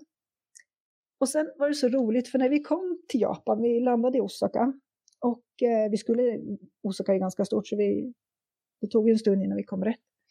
Men sista gatan där upp mot kliniken så möter vi en eh, mamma, en väldigt blond, långhårig mamma och ett väldigt blont barn i en rullstol. Så tänkte så här, tänk om det var den här tjejen, men vi visste ju inte vilket, från vilket land hon var, om hon var japan eller, eh, alltså, eller någonting. Så. Men vi kom till kliniken i alla fall och fick reda på att jo, men det var den här tjejen, hon var fortfarande kvar eh, i Japan och hon var från Australien, vilket vi var glada över för då kunde vi prata med henne. Eh, och dessutom så bodde vi grannar. Så vi hängde ju väldigt mycket. Shai kallas hon för. Hon var några år yngre än Matilda och var i, i sämre kondition än vad Matilda var när hon kom till Japan. Eh, det vi fick i Japan var ju fantastiskt. För det första när vi träffade Dr. Toshio, så eh, fantastisk eh, man, eh, väldigt, väldigt trevlig och ödmjuk och eh, vårt första samtal med Dr. Toshio så dels så undersökte han Matilda otroligt noga med bukpalpationer och allt, allt man kan tänka sig. Eh, väldigt fint. Och sen så sa han så här, eh, Matilda, nu ska du bara veta att eh, du kommer kunna bli helt frisk, för det vet jag. För jag har sett det förut. Och eh, alltså det hade vi aldrig fått höra. Ens, eh, alltså Annars som man hade för det här får du leva med resten av livet, vi kan inte göra så mycket åt det, men, och vi vet inte varför, men bla bla bla bla bla. Men han istället sa, ja, det här och det här eh, kommer vi göra och det här kommer stärka ditt, din kropp och du kommer kunna bli frisk. Och under tiden du är här så ska du också passa på att njuta av Japans vackra sida. Så ut, ut och upptäck Japan så mycket ni orkar och, och kan för att läka själen. du vet, och jag storgrät. Gråter nu också. Eh, och det var så fantastiskt. Och det var så stressfritt att komma därifrån, för vi hade ju i stort sett rymt från Sverige för att vi ville verkligen inte ha den här vården som erbjuds här. Jag vill bara tillägga att höft, höftproblemet som hon hade fått, det sa ja. de ju också berodde på kortisonet och njurskadan ja. av det här andra läkemedlet. Så att ni hade ju liksom fått känna på ganska mycket av Ja, vi hade ju redan. fått dåliga biverkningar kan man säga. Vi hade ganska dåliga erfarenheter av de medicinerna som hon hade fått. Verkligen. Och det hon fick där var ju då intravenös C-vitamin eh, tre gånger i veckan. Hon fick eh, ozon direkt in i blodet tre gånger i veckan samtidigt. Och hon fick ligga i en sån här, eh, jag vet inte, ingen, det är ingen sån här syrekammare utan det är en presskammare för att öka cirkulationen i de yttre kapillärerna kan man säga. Vad jag förstod. Eh, sen eh, fick hon också MAF såklart. MAF är alltså ett D-vitaminbindande protein som behövs för att aktivera de vita blodkropparna, säger man. Vilket innebär att det höjer då immunförsvaret. Om man då tänker att man har virus och tungmetaller och bakterier som den här eh, läkaren då som jag såg i, i eh, programmet från The Truth About Cancer, hon förklarade att virusar skickar ju ut ett nervgift eh, som hon kallade för nagalas, som man tydligen kan mäta i kroppen. Det är precis vad Anthony säger, att vi har neurotoxiner som stör systemet. Eh, och eh, hon den här läkaren sa då att de här nervgifterna stör ju ut vårt eget eh, D-vitaminbindande protein, det här som ska aktivera de vita blodkropparna. De stör ut varandra så att våra blodkroppar inte blir aktiverade utan de går runt som poliser som är bakbundna. De ser alla som begår brott men de kan inte göra någonting åt det. De ser allt skräp på gatan men de kan inte ta med sig det bort. Liksom. Och då när man tillsätter det här D-vitaminbindande proteinet så hjälper det till då att fylla i de här nycklarna och aktivera de vita blodkropparna så att de kan börja jobba igen. Och när vi var där så träffade vi ju människor från hela världen. Vi var ju bara där i fyra veckor då först. Eh, och dels Shaida som hade varit totalt förvärkt i hela kroppen. Hon hade fått 36 kortisonsprutor i sina leder på de senaste två månaderna innan hon hade kommit till Japan. Alltså, hennes leder hade varit som tennisbollar typ, både armleder, handleder, knäleder, fotleder, alltså hela hon var som en jätte, jätte, jättetunn spaghetti med stora runda liksom knölar runt varje led. Otroliga smärtor alltså. Eh, när vi kom så hade hon varit i fem veckor tror jag. Då hade hon inga stora röda bula runt sina leder och hon kunde resa sig från rullstolen och gå hela korridoren utan att det gjorde ont. Eh, och ja, det var helt fantastiskt. Det var också en man som precis hade åkt hem. Han hade kommit till Japan med MS och eh, han hade kört en rullstol med joystick, han hade haft assistent hemma och alltihopa. Eh, när han eh, åkte hem så hade han sagt upp sin assistent, kört bil själv, gick i trappor själv, han cyklade på sin träningscykel, han kunde jobba halvtid och försörja sig själv. Han, fick liksom, han hade fått liksom sitt liv tillbaka. Ehm, så det var, och vi träffade läkare som kom dit, antingen för att hämta eh, medicin eller för att behandla sig själva. Och de var ifrån eh, Florida, eh, Indonesien, Australien, Nya Zeeland. Ja, och eh, vi bodde, de flesta bodde i samma hus eller vi träffades på kliniken och vi kunde gå ut och äta tillsammans och prata med varandra. Som vår japanska var väldigt eh, liten. vi hade inte lärt oss mycket japanska. Eh, men otroligt väldigt trevliga människor och både japanerna och alla de som var där och hälsade på. Fantastisk plats. Det var så lugnt och skönt och tryggt det var ju en dagklinik bara då som vi var på, så det var ju inte öppet på nattetid, utan var det några stora grejer som hände så fick man ju då åka till stora lasarett. Mm. Men eh, ja, det var en fantastisk upplevelse. Så eh, Matildas sänka som hade varit otroligt hög under ja, väldigt lång tid, den rasade ju och gick ner jättesnabbt när vi var där. Och fötterna som hade varit jättesvullna när vi åkte dit, de gick ju ner jättefort och hon kunde liksom få skor på sig väldigt snart och piggade på sig väldigt fort. Och, och njurarna visade utan anmärkning och ja, det var så här, ja, vi pratade med doktor Torsi och så här, men de säger att Matildas njurarna är så inflammerade och att det är risk för njurtransplantation. Och han tittade på oss och sa så här, nej, nej, det behöver ni inte oroa er för. Det här, det här ordnar sig. Ni ser ju här. Ser ni här? Det händer saker. Det, det, det går bra. Ja. Så vi åkte hem och tänkte att, ja men vadå? Intravenös C-vitamin, hur svårt kan det vara? Det, är liksom, det kan vi fixa hemma. Eh, medicin kunde vi få där, alltså med oss hem.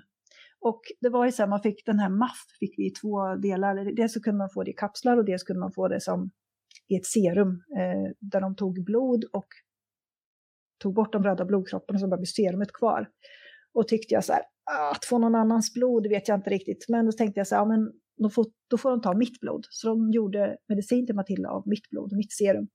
För jag tänkte, jag är ändå liksom inblandad redan i det här. Eh, det kändes bättre. Och eh, tänkte, och son, ja men det kanske man också kan fixa hemma. Men det var inte så lätt när vi kom hem. Dels så fick vi ju höra då av specialisterna i Stockholm, som vi kallade till direkt, att det här var bara humbug, det visste de. Eh, det skulle vi inte tro något annat. Eh, fast jag sa att vi har ju sett något helt annat. Men eh, ni får ju tycka och tro vad ni vill, så. Eh, och eh, C-vitamin... Eh, de måste ju ha sett förbättringen i henne. Ja, men du vet, det är ganska tufft att flyga hem också med flygresa. Och sen så, vi hann ju knappt landa här förrän vi skulle upp till Stockholm också. Alltså det, så sänkan gick ju upp igen ganska snart efter att vi hade kommit hem. Eh, så de sa, ja, ja, ja, vi ska se att det här inte är långlivat och bla, bla, bla, bla. bla. Eh, och C-vitamin vägrade de att ge. För att C-vitamin intravenöst sägs eh, vara orent. Men då sa jag så här, fast ni vill ju ge min dotter cellgifter och det vet ni ju att det är ju orent alltihopa. Med flit. så att jag förstår inte problemet. Men eh, ja, det kanske inte var så schysst att säga så, men eh, det var min tanke. Eh, så eh, det tog mig flera månader innan jag kunde ordna C-vitamin i Sverige. Det är absolut inte kriminellt på något sätt. Det är ett läkemedel som alla andra. Eh, och Socialstyrelsen och Läkemedelsverket har ingenting emot intravenös C-vitamin rent eh, pappersmässigt så. Eh, men vi fick ordna det själva och med egen sjuksköterskor och sådär som kunde hjälpa oss. Jag fick skicka efter från Tyskland. ja, det var konstigt. Fast det är samma, det är liksom samma preparat, det är eh, samma slangar de har här, liksom allt är ju, de har ju allting det här i sjukvården. De skulle så lätt kunna ge det, men eh, de vägrar. De, de vill inte. Eller det är någon i alla fall som inte vill att vi ska ha det. Eh, och det har kommit ut också falska rapporter om att det kan vara farligt och att det är verkningslöst och så. Men i andra länder och alla, många andra läkare som var där, naturläkare och vanliga läkare, de sa att det här använder vi som livsuppehållande åtgärder, att ge intravenös vitamin. Så ja, Matilda mådde ju ganska bra och vi körde på med det vi kunde hemma och fick lite C-vitamin sent om sidor. Eh, men sen var vi bad i badhuset med lillebror och Matilda. Och Matilda var, mådde jättebra. Hon sprang i hopptornet flera gånger, flera varv. Och hon simmade som en gud och tyckte det var jätteroligt. Och lillebrorsan med. Och tänkte yes, vad kul det här var. Och så vart hon sjuk. Både Melker och Matilda blev sjuka sen bara någon dag eller två efter det här. Liksom, som vi tyckte var så bra. Eh, sen om det hade med badhuset att göra, det vet vi inte. Men i alla fall så blev de sjuka. Melker var sjuk en vecka och sen blev han frisk. Matilda fick igen då feber, långtidsfeber. Och så tänkte jag så här, nej vi kan inte åka in till sjukvården igen, det går inte. Så jag hade redan börjat kolla upp Tyskland. Jag tänkte Tyskland är ju närmare, Tyskland kan ju också mycket saker.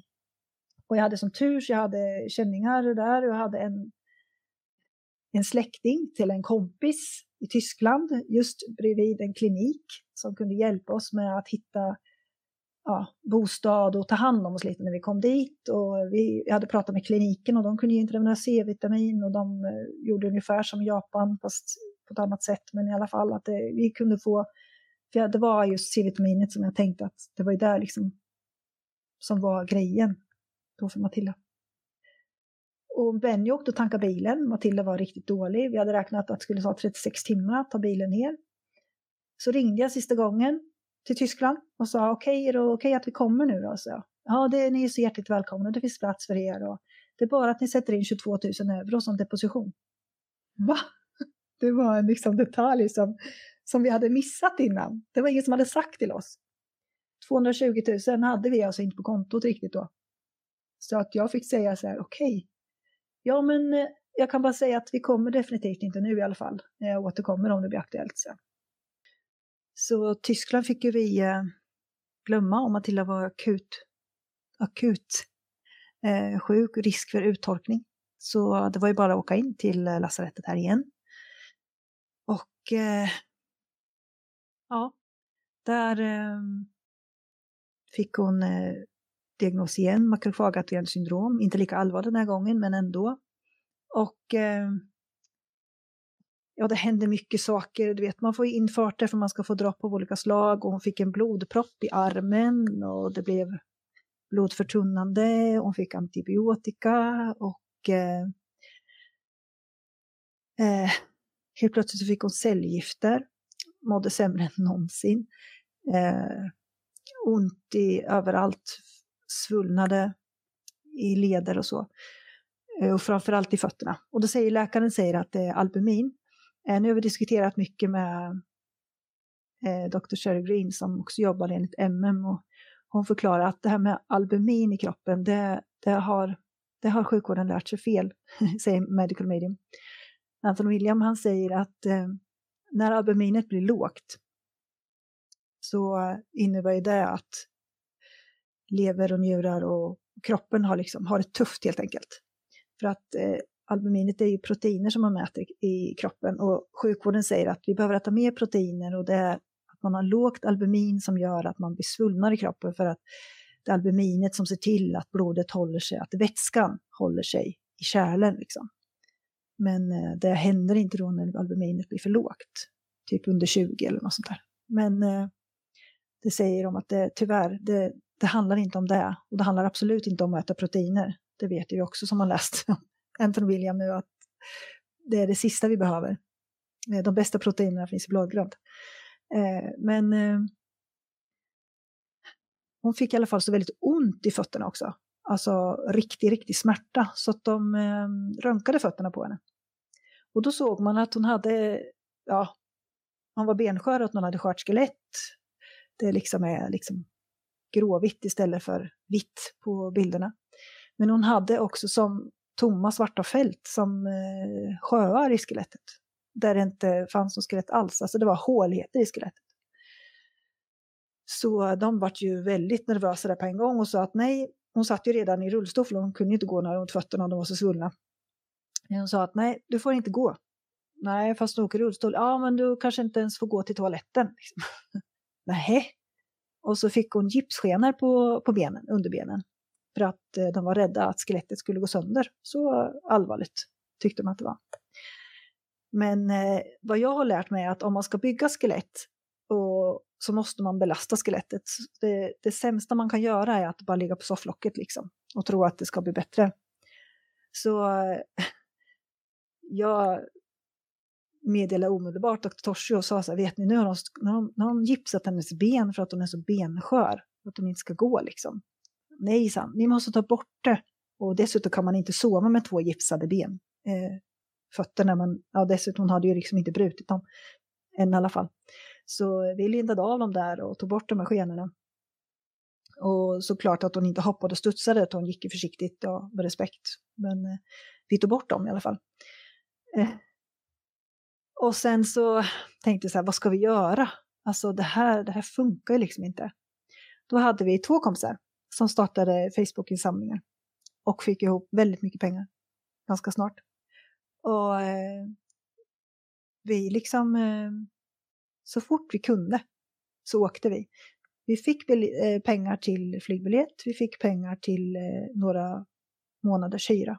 Till Och då Japan drog vi till Japan, ja. Förlåt, till Japan var det vi åkte tillbaka till Dr. Toshio. De sa att ja, välkomna tillbaka. Vi, vi hjälper Matilda med allt vi kan, liksom. Bara ni tar er hit. Så, eh, och det var ju också en sån här stor suck liksom. För att Matilda kände sig, ja hon köpte nya skor för hon visste att ja, om några veckor när jag var till Japan då kommer jag kunna gå igen och ha skorna på mig. Jag vet ju att det blir bra liksom. Eh, det var liksom så stressfritt där borta. Det var liksom inget hås över att ge oss en massa saker som vi inte ville.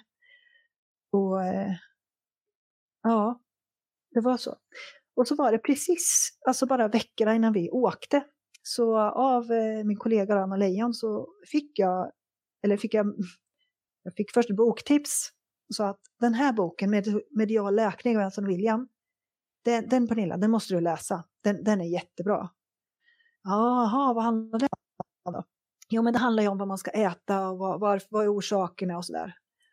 Och då sa jag först, tänkte jag, vet du, jag, jag orkar inte läsa en bok till som talar om för oss vad vi ska äta, vad vi inte ska äta. För vi hade provat så otroligt många dieter och så otroligt många saker. Och det är sånt stort ståhej för att, ja men dels så ska ju, ja jag eh, lära mig och så ska vi handla här hemma själva och laga till vår egen familj, det är en sak. Men så är det ju också skolan, ska man ta hand om. Och eh, nu var ju Matildas pappa och vi var skilda så då var ju hennes pappa och hans familj. Och mormor och morfar som har barnvakt mycket. så det är liksom, det är ett ganska stort projekt det här med att ändra mat och vad man ska äta och inte äta. Och det hade vi gjort så många gånger. Så jag kände att nej, nej jag, jag orkar inte, jag, jag vet inte, men just nu så klarar jag inte det. Då sa hon i alla fall, ja men du måste läsa den här, snälla Prilla, du måste läsa den här i alla fall. Ja, jag ska nog läsa den där. Sen till slut så fick jag den här boken i knät av henne och sa, nu går du hem och läser den här. Och då läste jag den här innan vi åkte då. Och den var ju jättebra och det lät ju väldigt logiskt och det lät ju väldigt bra med de erfarenheter som vi hade. Så jag köpte den här boken så jag hann få med den till Japan.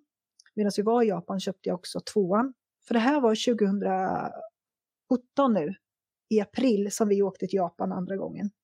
Och jag tror att medial läkning kom ut eh, 2016 va? Jag tror det. Mm. Första boken. Så eh, den här eh, andra boken då med, med all frukt och grönt och vad det står, de är bra för den kom ju ut strax efter. Så de, det var ju de här böckerna som fanns.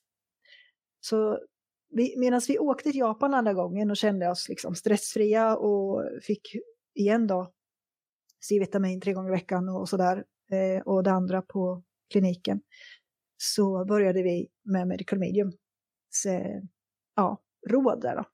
Så gott vi kunde, för det var ju så här, det är ett annat land och vi hade ju lärt oss ganska mycket från förra månaden som vi hade tillbringat där då. Men du vet, man läser inte så lätt innehållsdeklaration på saker.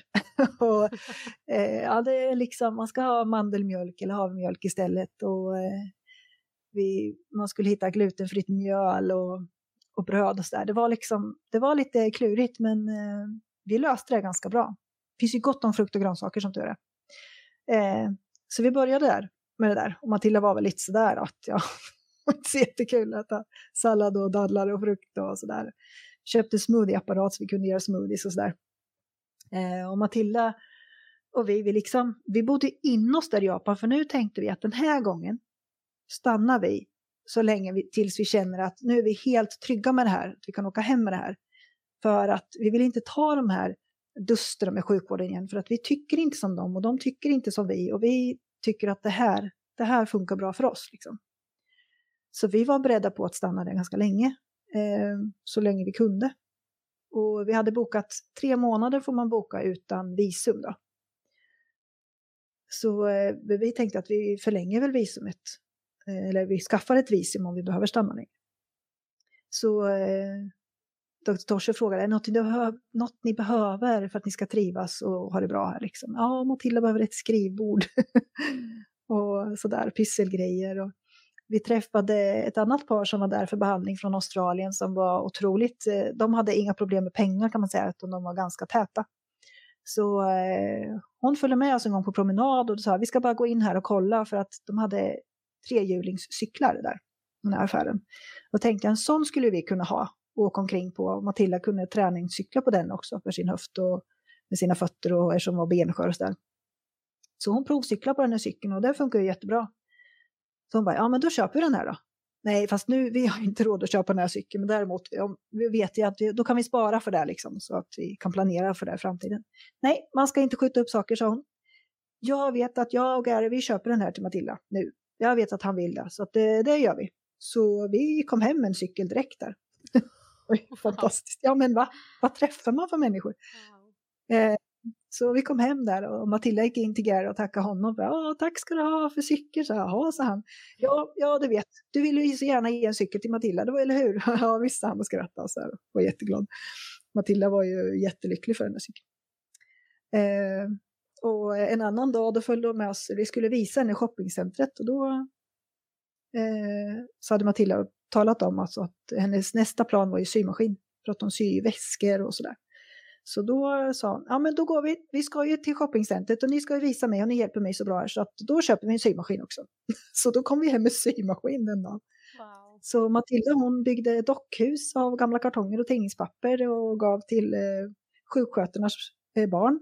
Och sen så sydde hon väskor och så eh, ja, höll på och pysslade liksom. Det var hennes jobb. För att skolan funkade inte då. Eh, dels så orkade hon inte så mycket men det, funkade det inte det här med feedback, vad hon skulle göra och vad hon hade missat och så. Så att vi liksom, det fick vi glömma bort där ett tag. Utan det var kreativitet och rehabilitering som gällde. Så ja, det var det livet vi levde. Jag sov alltid middag, jag var tröttast av alla. mm. eh, vi hade tre tider att passa varje vecka. Alltså tre tider i veckan att passa. Vad skönt. Vilket, alltså det, man skulle inte behöva ha mer egentligen.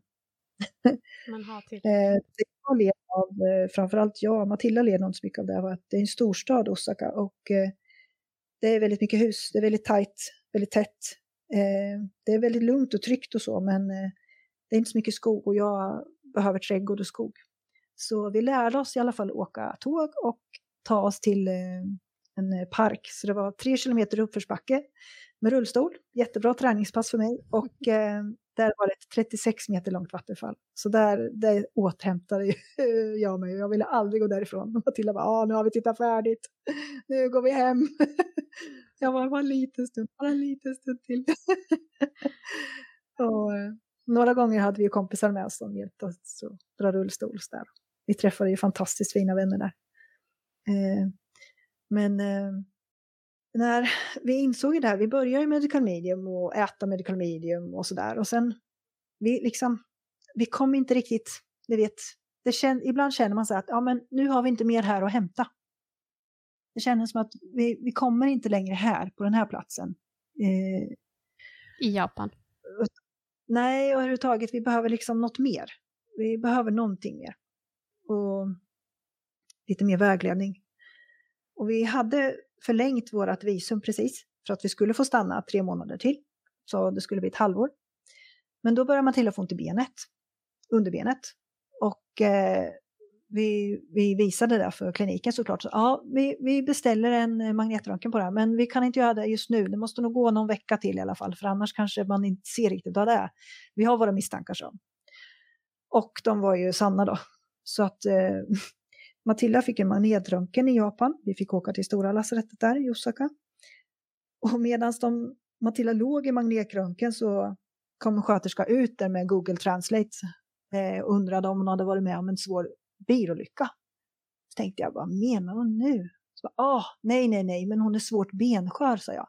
Jaha, sa hon och så gick hon tillbaka.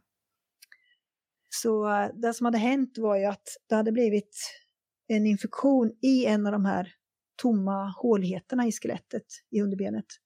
Så det blir en osteomyelit, alltså det blir en varbildning där i. Och varet, kroppen vill ju då fösa ut det här skräpet, vilket gör att det liksom verkar då hål i skelettet och det bildar en kanal ut genom huden för att bli av med varet. Det är ju så kroppen jobbar. Så doktor Torsten säger att ni ska vara jätteglada, kroppen gör precis som den ska, det är så här den ska göra, men däremot så kanske den kan behöva lite hjälp nu då. För Matilda är ju ändå inte urstark kanske än. Liksom. Utan ni behöver nog hem och man behöver nog punktera det här och liksom hjälpa kroppen ut med det här varet. Och det ska ni nog inte göra i Japan, för de måste läggas in på stora sjukhuset och engelska är inte bra där, det kan bli språkförbristningar och det kommer bli väldigt dyrt för er, för ni kommer få betala allting liksom, kontant. Och det hade ju inte vi råd med. Så då sa de så här att eh, eh, vi fick träffa en annan läkare där och, och, och, han undrade vad vi gjorde där. Vi som är från Sverige, vi har världens bästa sjukvård. Och eh, vad, vad, gör ni här i Japan, vårt lilla land? Då berättade vi att ja, men vi har inte Sveriges, eller vi tycker inte att vi har världens bästa sjukvård. Det har vi säkert om man får en hjärtinfarkt eller bryter ett ben, men inte när man har någon sån här sjukdom. Tyvärr så har vi ingen lösning på det. Och så berättade vi lite och han satt och grät läkaren när vi berättade. Tårarna rann och så sa han, snälla, snälla, snälla ni, nu gör ni så här. Nu åker ni hem direkt och så ber ni att ni bara får hjälp med benet. Bara med benet, ingenting annat. Lova mig det. Och så kommer ni hit igen fortast möjligt. Okej, okay, så det, det gör vi. Ja, lova oss det. Ja, då, vi ska göra vårt bästa. Så eh, vi hade fått pengar av eh, goda vänner för att eh, en ganska stor summa så att vi hade bokat biljetter för min man och Matildas lillebror. Matildas storebror jobbade då så han bokade med. Men att de skulle komma och hälsa på oss i Japan. För vi alltså, längtade ju så otroligt mycket. Jag hade stor hemlängtan kan jag säga. Eh, men jag hade inte bokat om våra biljetter hem än heller. Jag hade suttit så och kollat på datorn och sagt, ja, de här biljetterna måste jag boka om. Så jag hade varit inne på sidan och skulle boka om dem. Men så tänkte jag, jag visste inte till vilket datum jag skulle ta. Så nej, jag har två dagar på mig till innan jag måste boka om dem. Så jag väntar. Så jag backade ut från sidan igen. Och sen fick vi de här nyheterna då, att vi måste akut åka hem. Då hade vi alltså flygbiljetter två dagar fram i tiden. Och det gick ju inte att hitta på flygbolaget, utan det var ju tur att vi hade dem. Så vi fick avboka biljetterna som Melker och Benny, då, min man, skulle kommit till oss eh, samma datum ungefär. Eh, de hade börjat packat redan liksom. och säga tyvärr, ni får inte komma hit, vi kommer hem istället. Så vi kom hem då på min pappas 80-årsdag den 4 juli och eh, Eh, fick hjälp med osteomyeliten eh, omedelbart där dagen efter eller två dagar efter. De gjorde en operation och trodde att det gick bra. Vi hade ett möte då med Dr. Sherry Green i New York eh, via Zoom. För Dr. Sherry Green, eh, hon jobbar enligt Medical Medium. Hon är läkare och från början är hon fotkirurg, tror jag. Hon har, haft, hon har varit läkare i, jag tror hon har varit läkare i 25-30 år någonting. Eh, jag letade då efter Medical Medium-terapeuter och hittade henne och tyckte att ja, hon, hon klickade mig. Så att vi hade ett Zoom-möte med henne vårt första där i juli. Eh, och eh, helt fantastiskt. Eh, vi fick hjälp med att prioritera. För ni vet, om, om ni själva har läst Medical Mediums eh, böcker och så har man ett gäng symptom, då eh, får man ju jättemycket råd om vad man kan göra. Och då är det liksom massor med olika sorters mat, massor med olika sorters vitaminer och så kan man inte börja med allting på en gång. Utan man måste ju prioritera. Och där behövde vi hjälp med, kände jag. Och dessutom är jag mamma. Och ni vet, vara mamma och terapeut i sitt eget barn, det är inte riktigt den jättebästa kombon alla gånger. För att man är ju den här som tjatar och tjatar och tjatar. Och dessutom att ska vara den som säger att du får inte äta det du mest av allt tycker om och nu ska vi dricka sellerijuice istället. Och, alltså, nej, man behöver ha andra personer till det. Så att ja, Dr. Sherry hon var ju fantastisk där och peppade otroligt mycket. Eh, första samtalen så var ju Matilda ville ju inte ens vara i bild liksom. Mm. Eh, utan hon låg på sängen och var lite halvsur och, och, och sa ja, ja lite grann ibland. Men hon hörde ju vad hon sa och Dr. Sherry och jag pratade. Eh, så vi, vi började med hennes prioriteringslista där då. Eh, vad var det för grejer, eller kommer du ihåg? vad det var för grejer. Det var ju framförallt då, ja, no food sen. Det hade vi redan börjat med. Så det var väl ganska klart. Men just med vitaminer och doseringar och så. Mm. Yes. Ja. Eh, B12, zink, eh, magnesium, silika då för hennes benskörhet såklart. Mm. Eh, det var massa gurkmeja. Eh, kurkumin då. Eh, ja, det var det vart faktiskt, eh, ja, C-vitamin, eh, jag tror det var ungefär 30 kapslar om dagen hon skulle ta, eller lysin också. Och just det här höga doser, det, jag hade ju inte vågat dra på så höga doser. Men vissa vitaminer kan man verkligen ta höga doser när man, när man behöver och man ser att man, har, man klarar av de låga doserna. Mm. Eh, så det var framförallt det.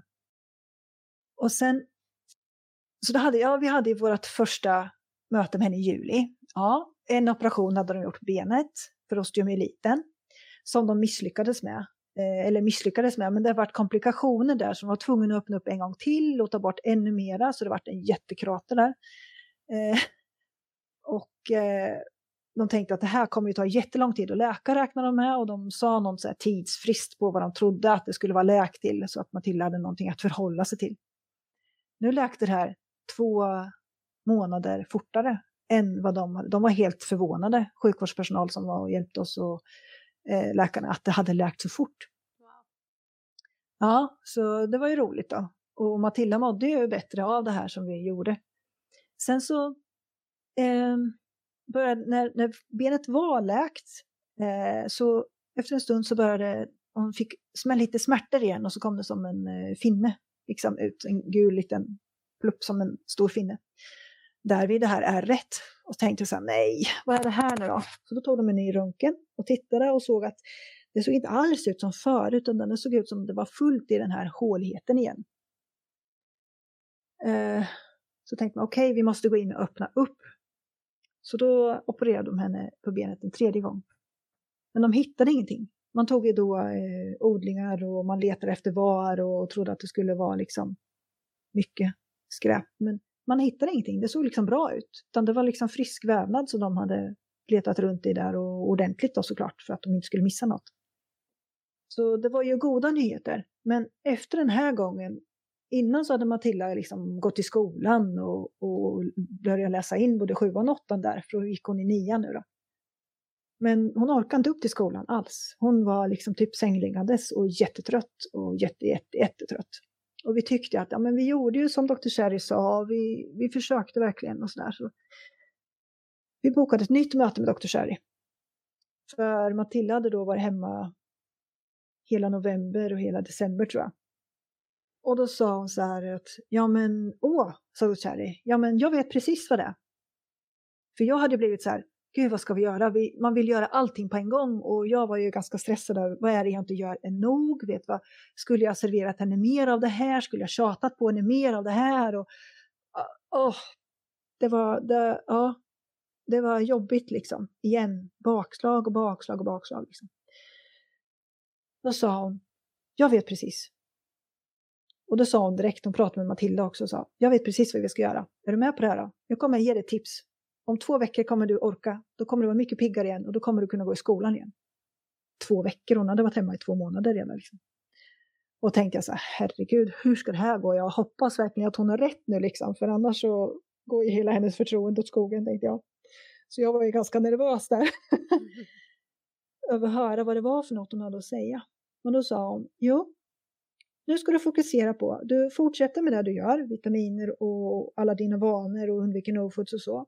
Men varje dag så ska du framförallt få i dig sellerijuice, vattenmelon och fikon.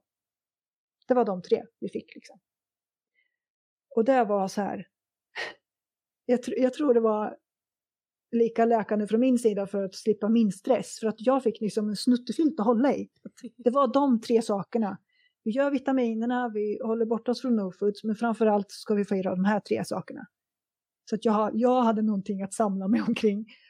Så jag varit en lugnare mamma och Matilda hade, okej, okay, det var de här tre sakerna hon skulle få i sig. Liksom. Och det var inte så att, att vi fick säga att du ska dricka en halv liter och du ska dricka en halv liter vattenmelonjuice och du ska äta tio fikon, utan det var liksom, det här ska hon få i sig varje dag. Ja, så mycket det går. Och eh, vi hade ju redan övat på smoothie-drinkar liksom. Att Matilda hon har jättesvårt för att dricka smoothies, har haft det. Så vi har fått övat. Då får man liksom servera en smoothie och så får man vara glad om att dricka tre klunkar och tänka okej, okay, det var det jag fick i sig idag, jättebra. Och så får man liksom ta det. Det kräver ju tålamod liksom. Men eh, av de här tre sakerna som hon fick då varje dag inga jättemängder, men dock hon fick i sig. Det var några skivor och det var något glas hit och dit. Och efter två veckor så ringde hon till sin pappa, eller hon pratade med pappa, och så hörde jag så här, för vi hade ju sett att hon började busa lite mer, hon var lite piggare, så här, men vi vågade inte säga någonting. Då ringde hon till sin pappa och pratade med honom och sa så ja ah, men jag är mycket piggare så jag ska nog gå till skolan imorgon. Så två veckor senare var hon piggare och orkade gå till skolan igen. Ja, det var ju helt fantastiskt, helt magiskt. Vad lite mat kan göra om man vet hur man ska använda det liksom. Mm. Och det måste bara säga helt fantastiskt. Att eh, en del eh, av kritiken som Anthony får, det många säger att ja. ja. men det är bara frukt och grönsaker, det är inte så svårt liksom. Men det är inte det det handlar om, det handlar om så mycket mer att veta exakt vad du behöver liksom för just ditt specifika problem. Liksom. Ja, precis. Det är så mycket mer om hur man använder det och vad mm. man använder. Så det ja, helt. Ja. I vilket läge och vilka verktyg, vilka otroliga verktyg det kan vara. Mm. Ja. Och nu när jag har läst på lite mer såklart om vattenmelon och fikon och selleri och det här så förstår jag ju också att det som hände var ju att hon blev hon hade så mycket av de här medicinerna som man får när man blir sövd och behandlad och antibiotika och det i kroppen och i blodet så att hon fick en neurologisk trötthet av det. Och för att bli av med den neurologiska tröttheten då så var hon tvungen att rensa ut det här ifrån blodet och magen. Och det gjorde ju de här tre väldigt bra då. På väldigt kort tid. Tillsammans med andra. Sen kan jag säga att eh, Matilda hon gick ut nian. Hon klarade allt hon behövde i nian för att ha klarat hela högstadiet. Så hon eh, gick ut skolan tillsammans med sina klasskamrater. Och sen eh, sökte hon in på gymnasiet och har gått eh, tre år i bild och form. Och är det här utan, utan mediciner? Utan, ja, utan... hon har varit eh, helt frisk egentligen kan man säga i stort sett i fem år. Ja, det har varit, allt har varit utan anmärkning. Sen har hon fått ett bakslag igen nu i december. Eller redan förra året började nog. Matilda hon är 20 nu. Hon hade tänkt att flytta hemifrån och läsa på högskola eller folkhögskola. Hon tänkte att jag kommer inte ha råd att köpa alla vitaminer, och mineraler. Hon vill ta hand om sig själv, hon vill inte belasta familjen. Så hon tänkte att det är lika bra att jag vänjer av kroppen nu med vitaminer och, och så redan nu så att jag klarar mig utan det sen när jag inte har råd själv. För hon mådde ju jättebra. Alltså hon tränade taekwondo, hon eh, tränade massa andra så här, ja, inte yoga men på yogamattan, en massa hemma. Och var väldigt vältränad och körde järnet och valde extra lektioner i skolan och sådär. Och älskade livet alltså. Hon hade liksom så mycket att ta igen så uh, tyckte hon att men jag behöver inte det längre för jag mår ju prima. Fast hon sa inte det här till oss. Då hade ju vi liksom inte gått med på det riktigt. Eh, utan jag märkte så att, jaha, nej men hallå, det borde vara slut i det här vitaminskåpet nu här. Vi skulle behövt handla för kanske en eller två månader sedan redan och det finns fortfarande kvar, det är något som inte stämmer här. Och då kom det fram då att nej, hon hade ju inte tagit så mycket och sådär. För hon skulle ta eget ansvar och sköta sig själv såklart. Eh, och eh, nej. Sen började det krypa på, det vart för mycket mattepress och press i skolan och mycket stress och sådär, så då fick hon ångest. Och vart lite tröttare, hon fick ta det lite lugnare. Och sen i december i år, så fick, eller förra året, så fick hon eh, influensa, eller vi fick influensa. Och jag vart ju frisk, jag hade feber några dagar och tappade matlusten och mådde illa och sådär och de andra familjerna också, men det gick ju över väldigt snart. På Matilda gick inte det över. Utan Matilda hade verkligen tappat matlusten och det smakade jättekonstigt i munnen och mådde konstant illa. Eh, länge. I tre månader. Innan vi fick åka in igen då, till lasarettet. Ja. Och då eh, efter en tid på lasarettet så konstaterade man att hon hade vätska i lunga och hjärtsäck. Och det är så här typiska SLE symptom. Och SLE fick hon redan då när njurarna varit inflammerade eh, tidigare som, som diagnos. Då. Mm. Och det är ju så här när man eh, behöver liksom ta hjälp av vården så får man tänka sig att man får ju vara väldigt tacksam att de finns för att det är viktigt. Vi behöver ju hjälp ibland. Eh, och Matilda i det här fallet, hon kunde ju inte äta och dricka ordentligt. Hon hade gått ner i vikt redan och, och eh, när man inser att nej, men det, här, det, här liksom, det här är inte bra. Och vi hade verkligen försökt, ni vet, man försöker med papaya och selleri och äpplen och alltså få i vad som helst liksom som är bra. Det går liksom upp och ner men så kommer man till gränsen att nej, det här går inte, vi måste ha hjälp. Och då när vi inte kan få den hjälpen som vi hade önskat att vi kunde få då, så får man ju ta det som erbjuds. Och eh, man får vara tacksam för det och tänka att de vill oss ju väl. Eh, och eh, det låter ju kanske jättetaskigt att säga att de förstår inte bättre för att de har ju läst jättemånga år och, och studerat och lärt sig jättemycket och kan jättemycket om kroppen. Men, men eh, i det här fallet så har inte vi samma åsikt. Vi har olika läror helt enkelt. Men eh, vi fick ju hjälp där. Eh, och Matilda har blivit bättre. Men i form av kortison. Och hon har fått cellgifter också för att få ner inflammationen i kroppen. Eh, och jag som mamma nu när hon är 20, jag har ju inte så mycket att säga till om. Eh, och dessutom är det så här att Matilda, det är också tufft det här. När barnen blir stora. Ja, jag kan ju inte ta deras fighter. Jag kan ju inte bestämma åt dem. Jag kan inte göra det hela livet.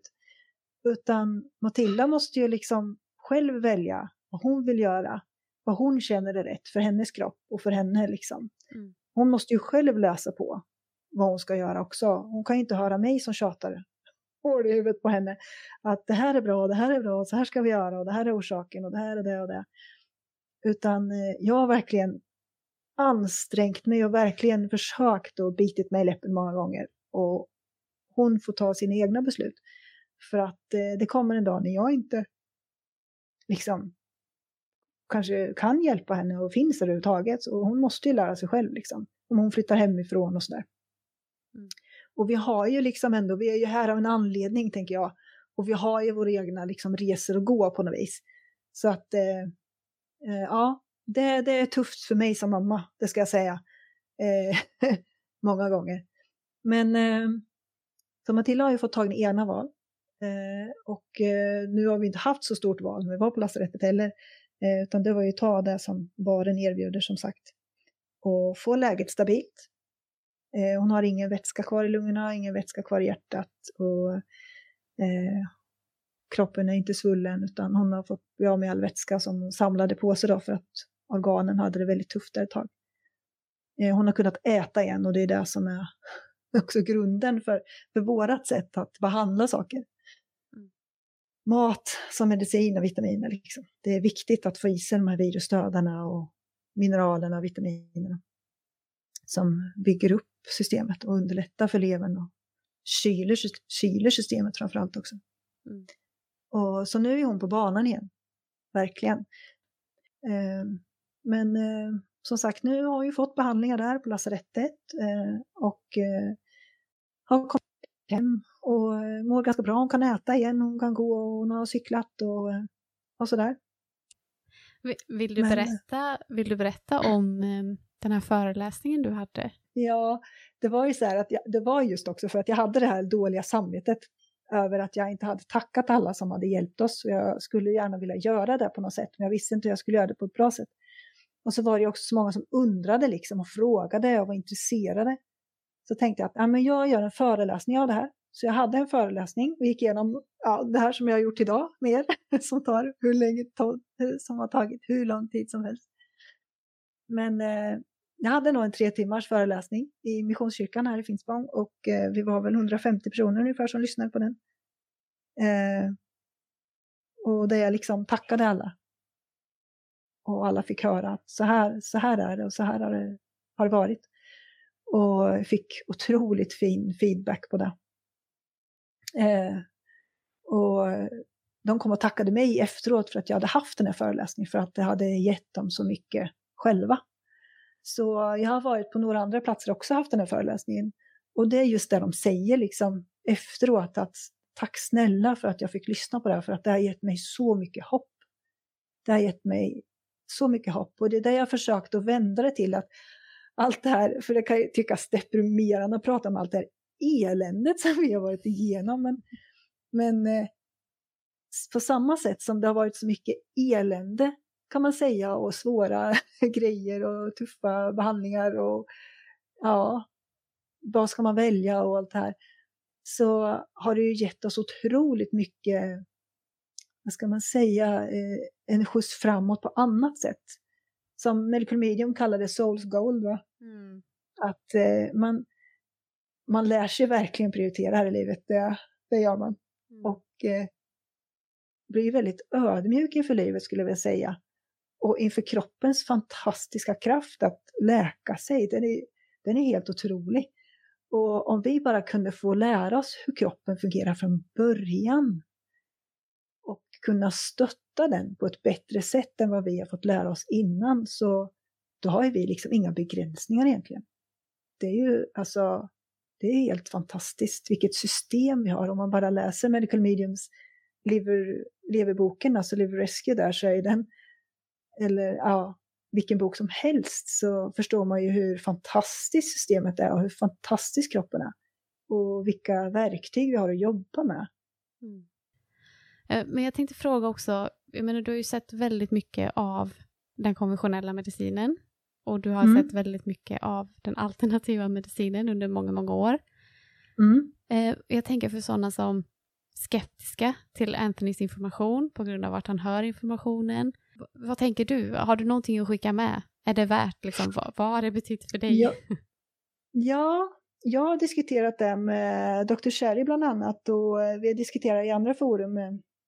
Jag har ju lyssnat mycket på, jag har gått med Nisas kurs eh, något år och jag har eh, lyssnat på Eileen Crispel Ford och jag har pratat med henne också eh, själv och just det här att ja men man kanske inte kan, för alla människor passar det ju inte som sagt var att det kommer från en röst utanför örat. Det är liksom hokus pokus och då liksom drar man ner rullgardinen redan där. Men, men om man hoppar över vart det kommer ifrån och så liksom tänker man så här, ja men läs, läs leverboken. Läs den. Om man nu är läkare eller sjukvårdsutbildad eller vem man nu än är. Alltså det är en väldigt hög status eh, medicinsk bok.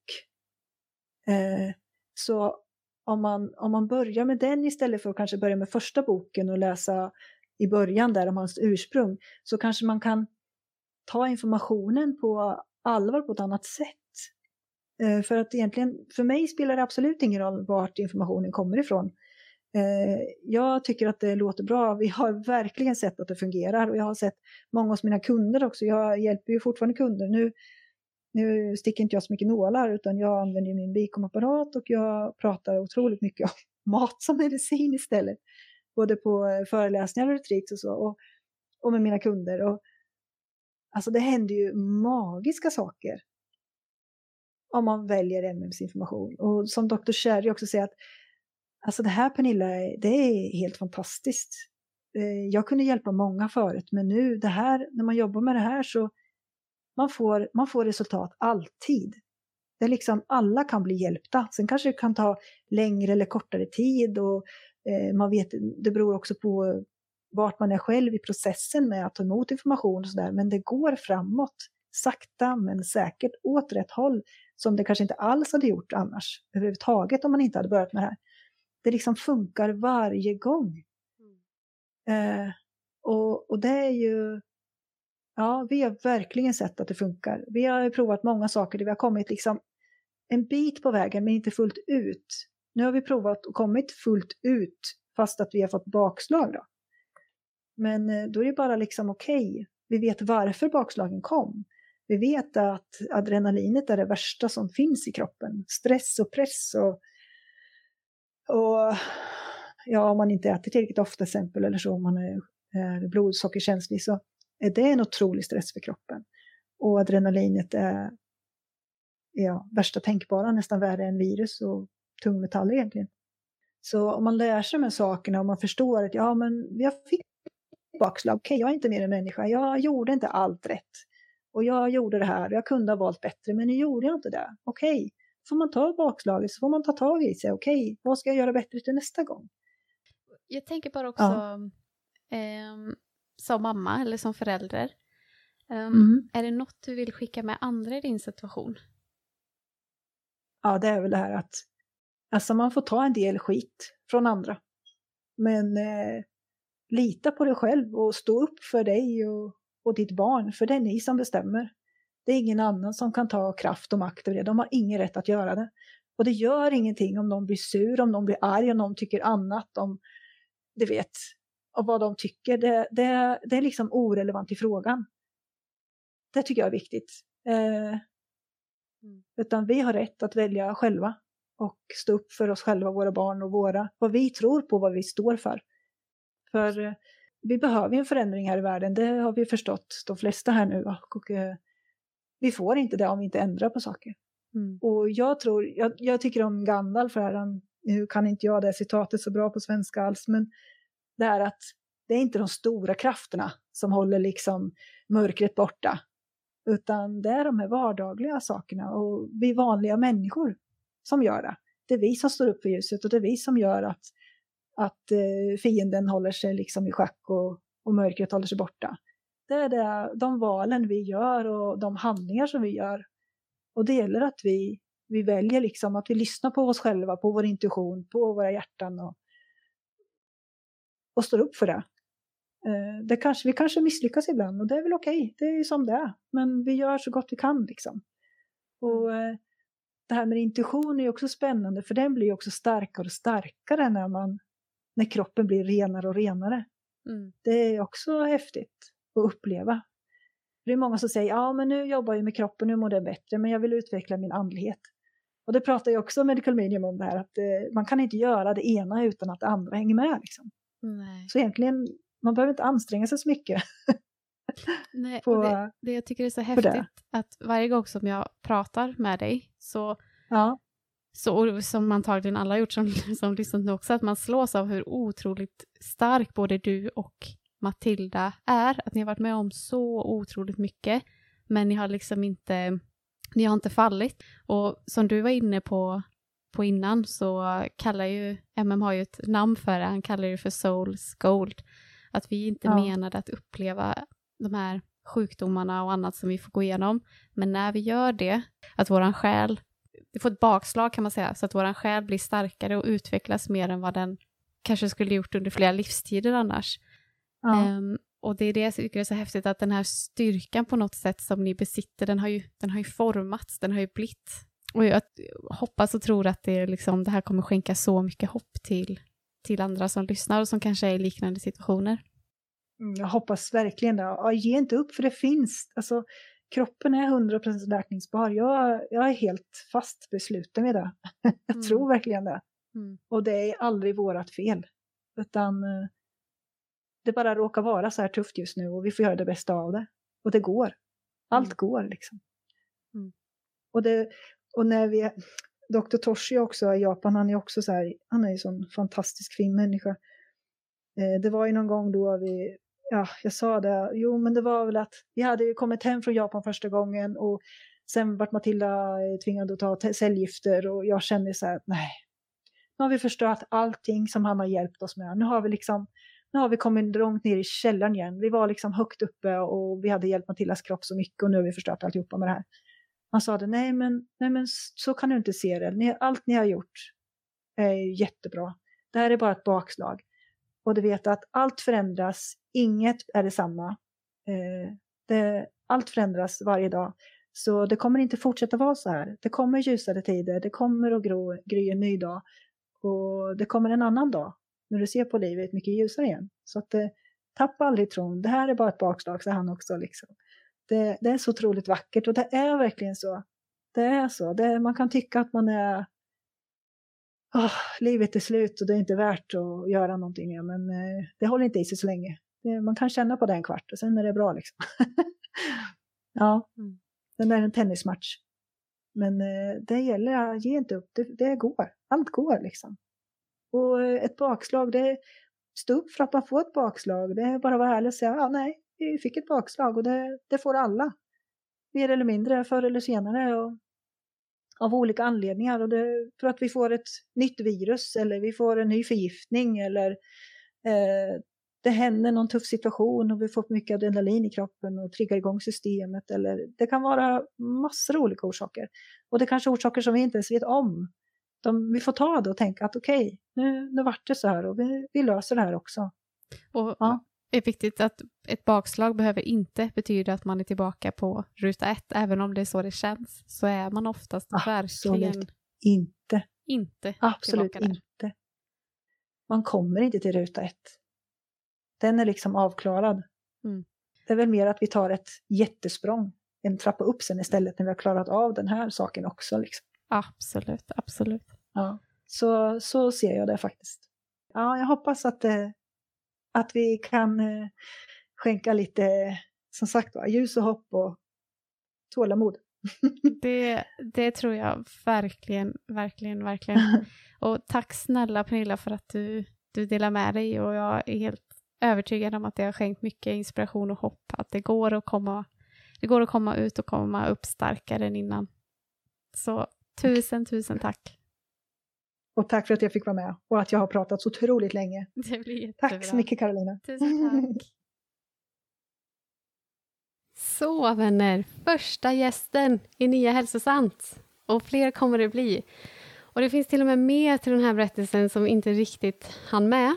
Men som sagt, jag har länkat till Pernilla på min hemsida. Så om ni trycker på Hälsosamt-podden där så ser ni det här avsnittet så kan ni hitta till henne där om ni vill, vill veta mer. Och jag är superglad att Pernilla ville vara med som start på den här podden. Och har du en berättelse du vill dela om vad MN betytt i ditt liv så får du gärna höra av dig till mig. Du hittar all info på karolinajohansson.se. Och som jag sagt tidigare så lottar jag ut Anthonys böcker, 30 stycken. Så gå till min Insta eller Facebook, karolinajohansson.se där eh, och dela detta eller tidigare avsnitt så har ni chans att vinna. Ta hand om dig tills vi hörs nästa vecka.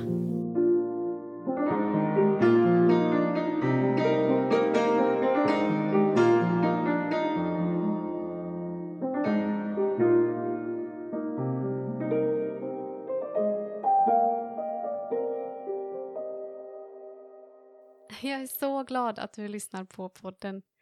Om du vill ha hjälp med att komma vidare, gå till karolinajohansson.se där du hittar information om hur vi kan arbeta tillsammans för att du ska nå i mål.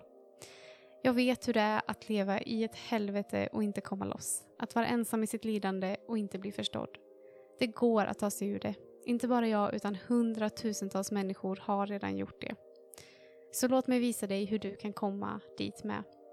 På karolinajohansson.se hittar du även en blogg med översatta artiklar från Anthonys hemsida så att du lättare kan läsa och dela med andra. Jag har väntat på den här informationen i över 30 år och jag ser den som ett rent mirakel. Jag hoppas att jag kunnat förmedla hopp och kunskap till dig.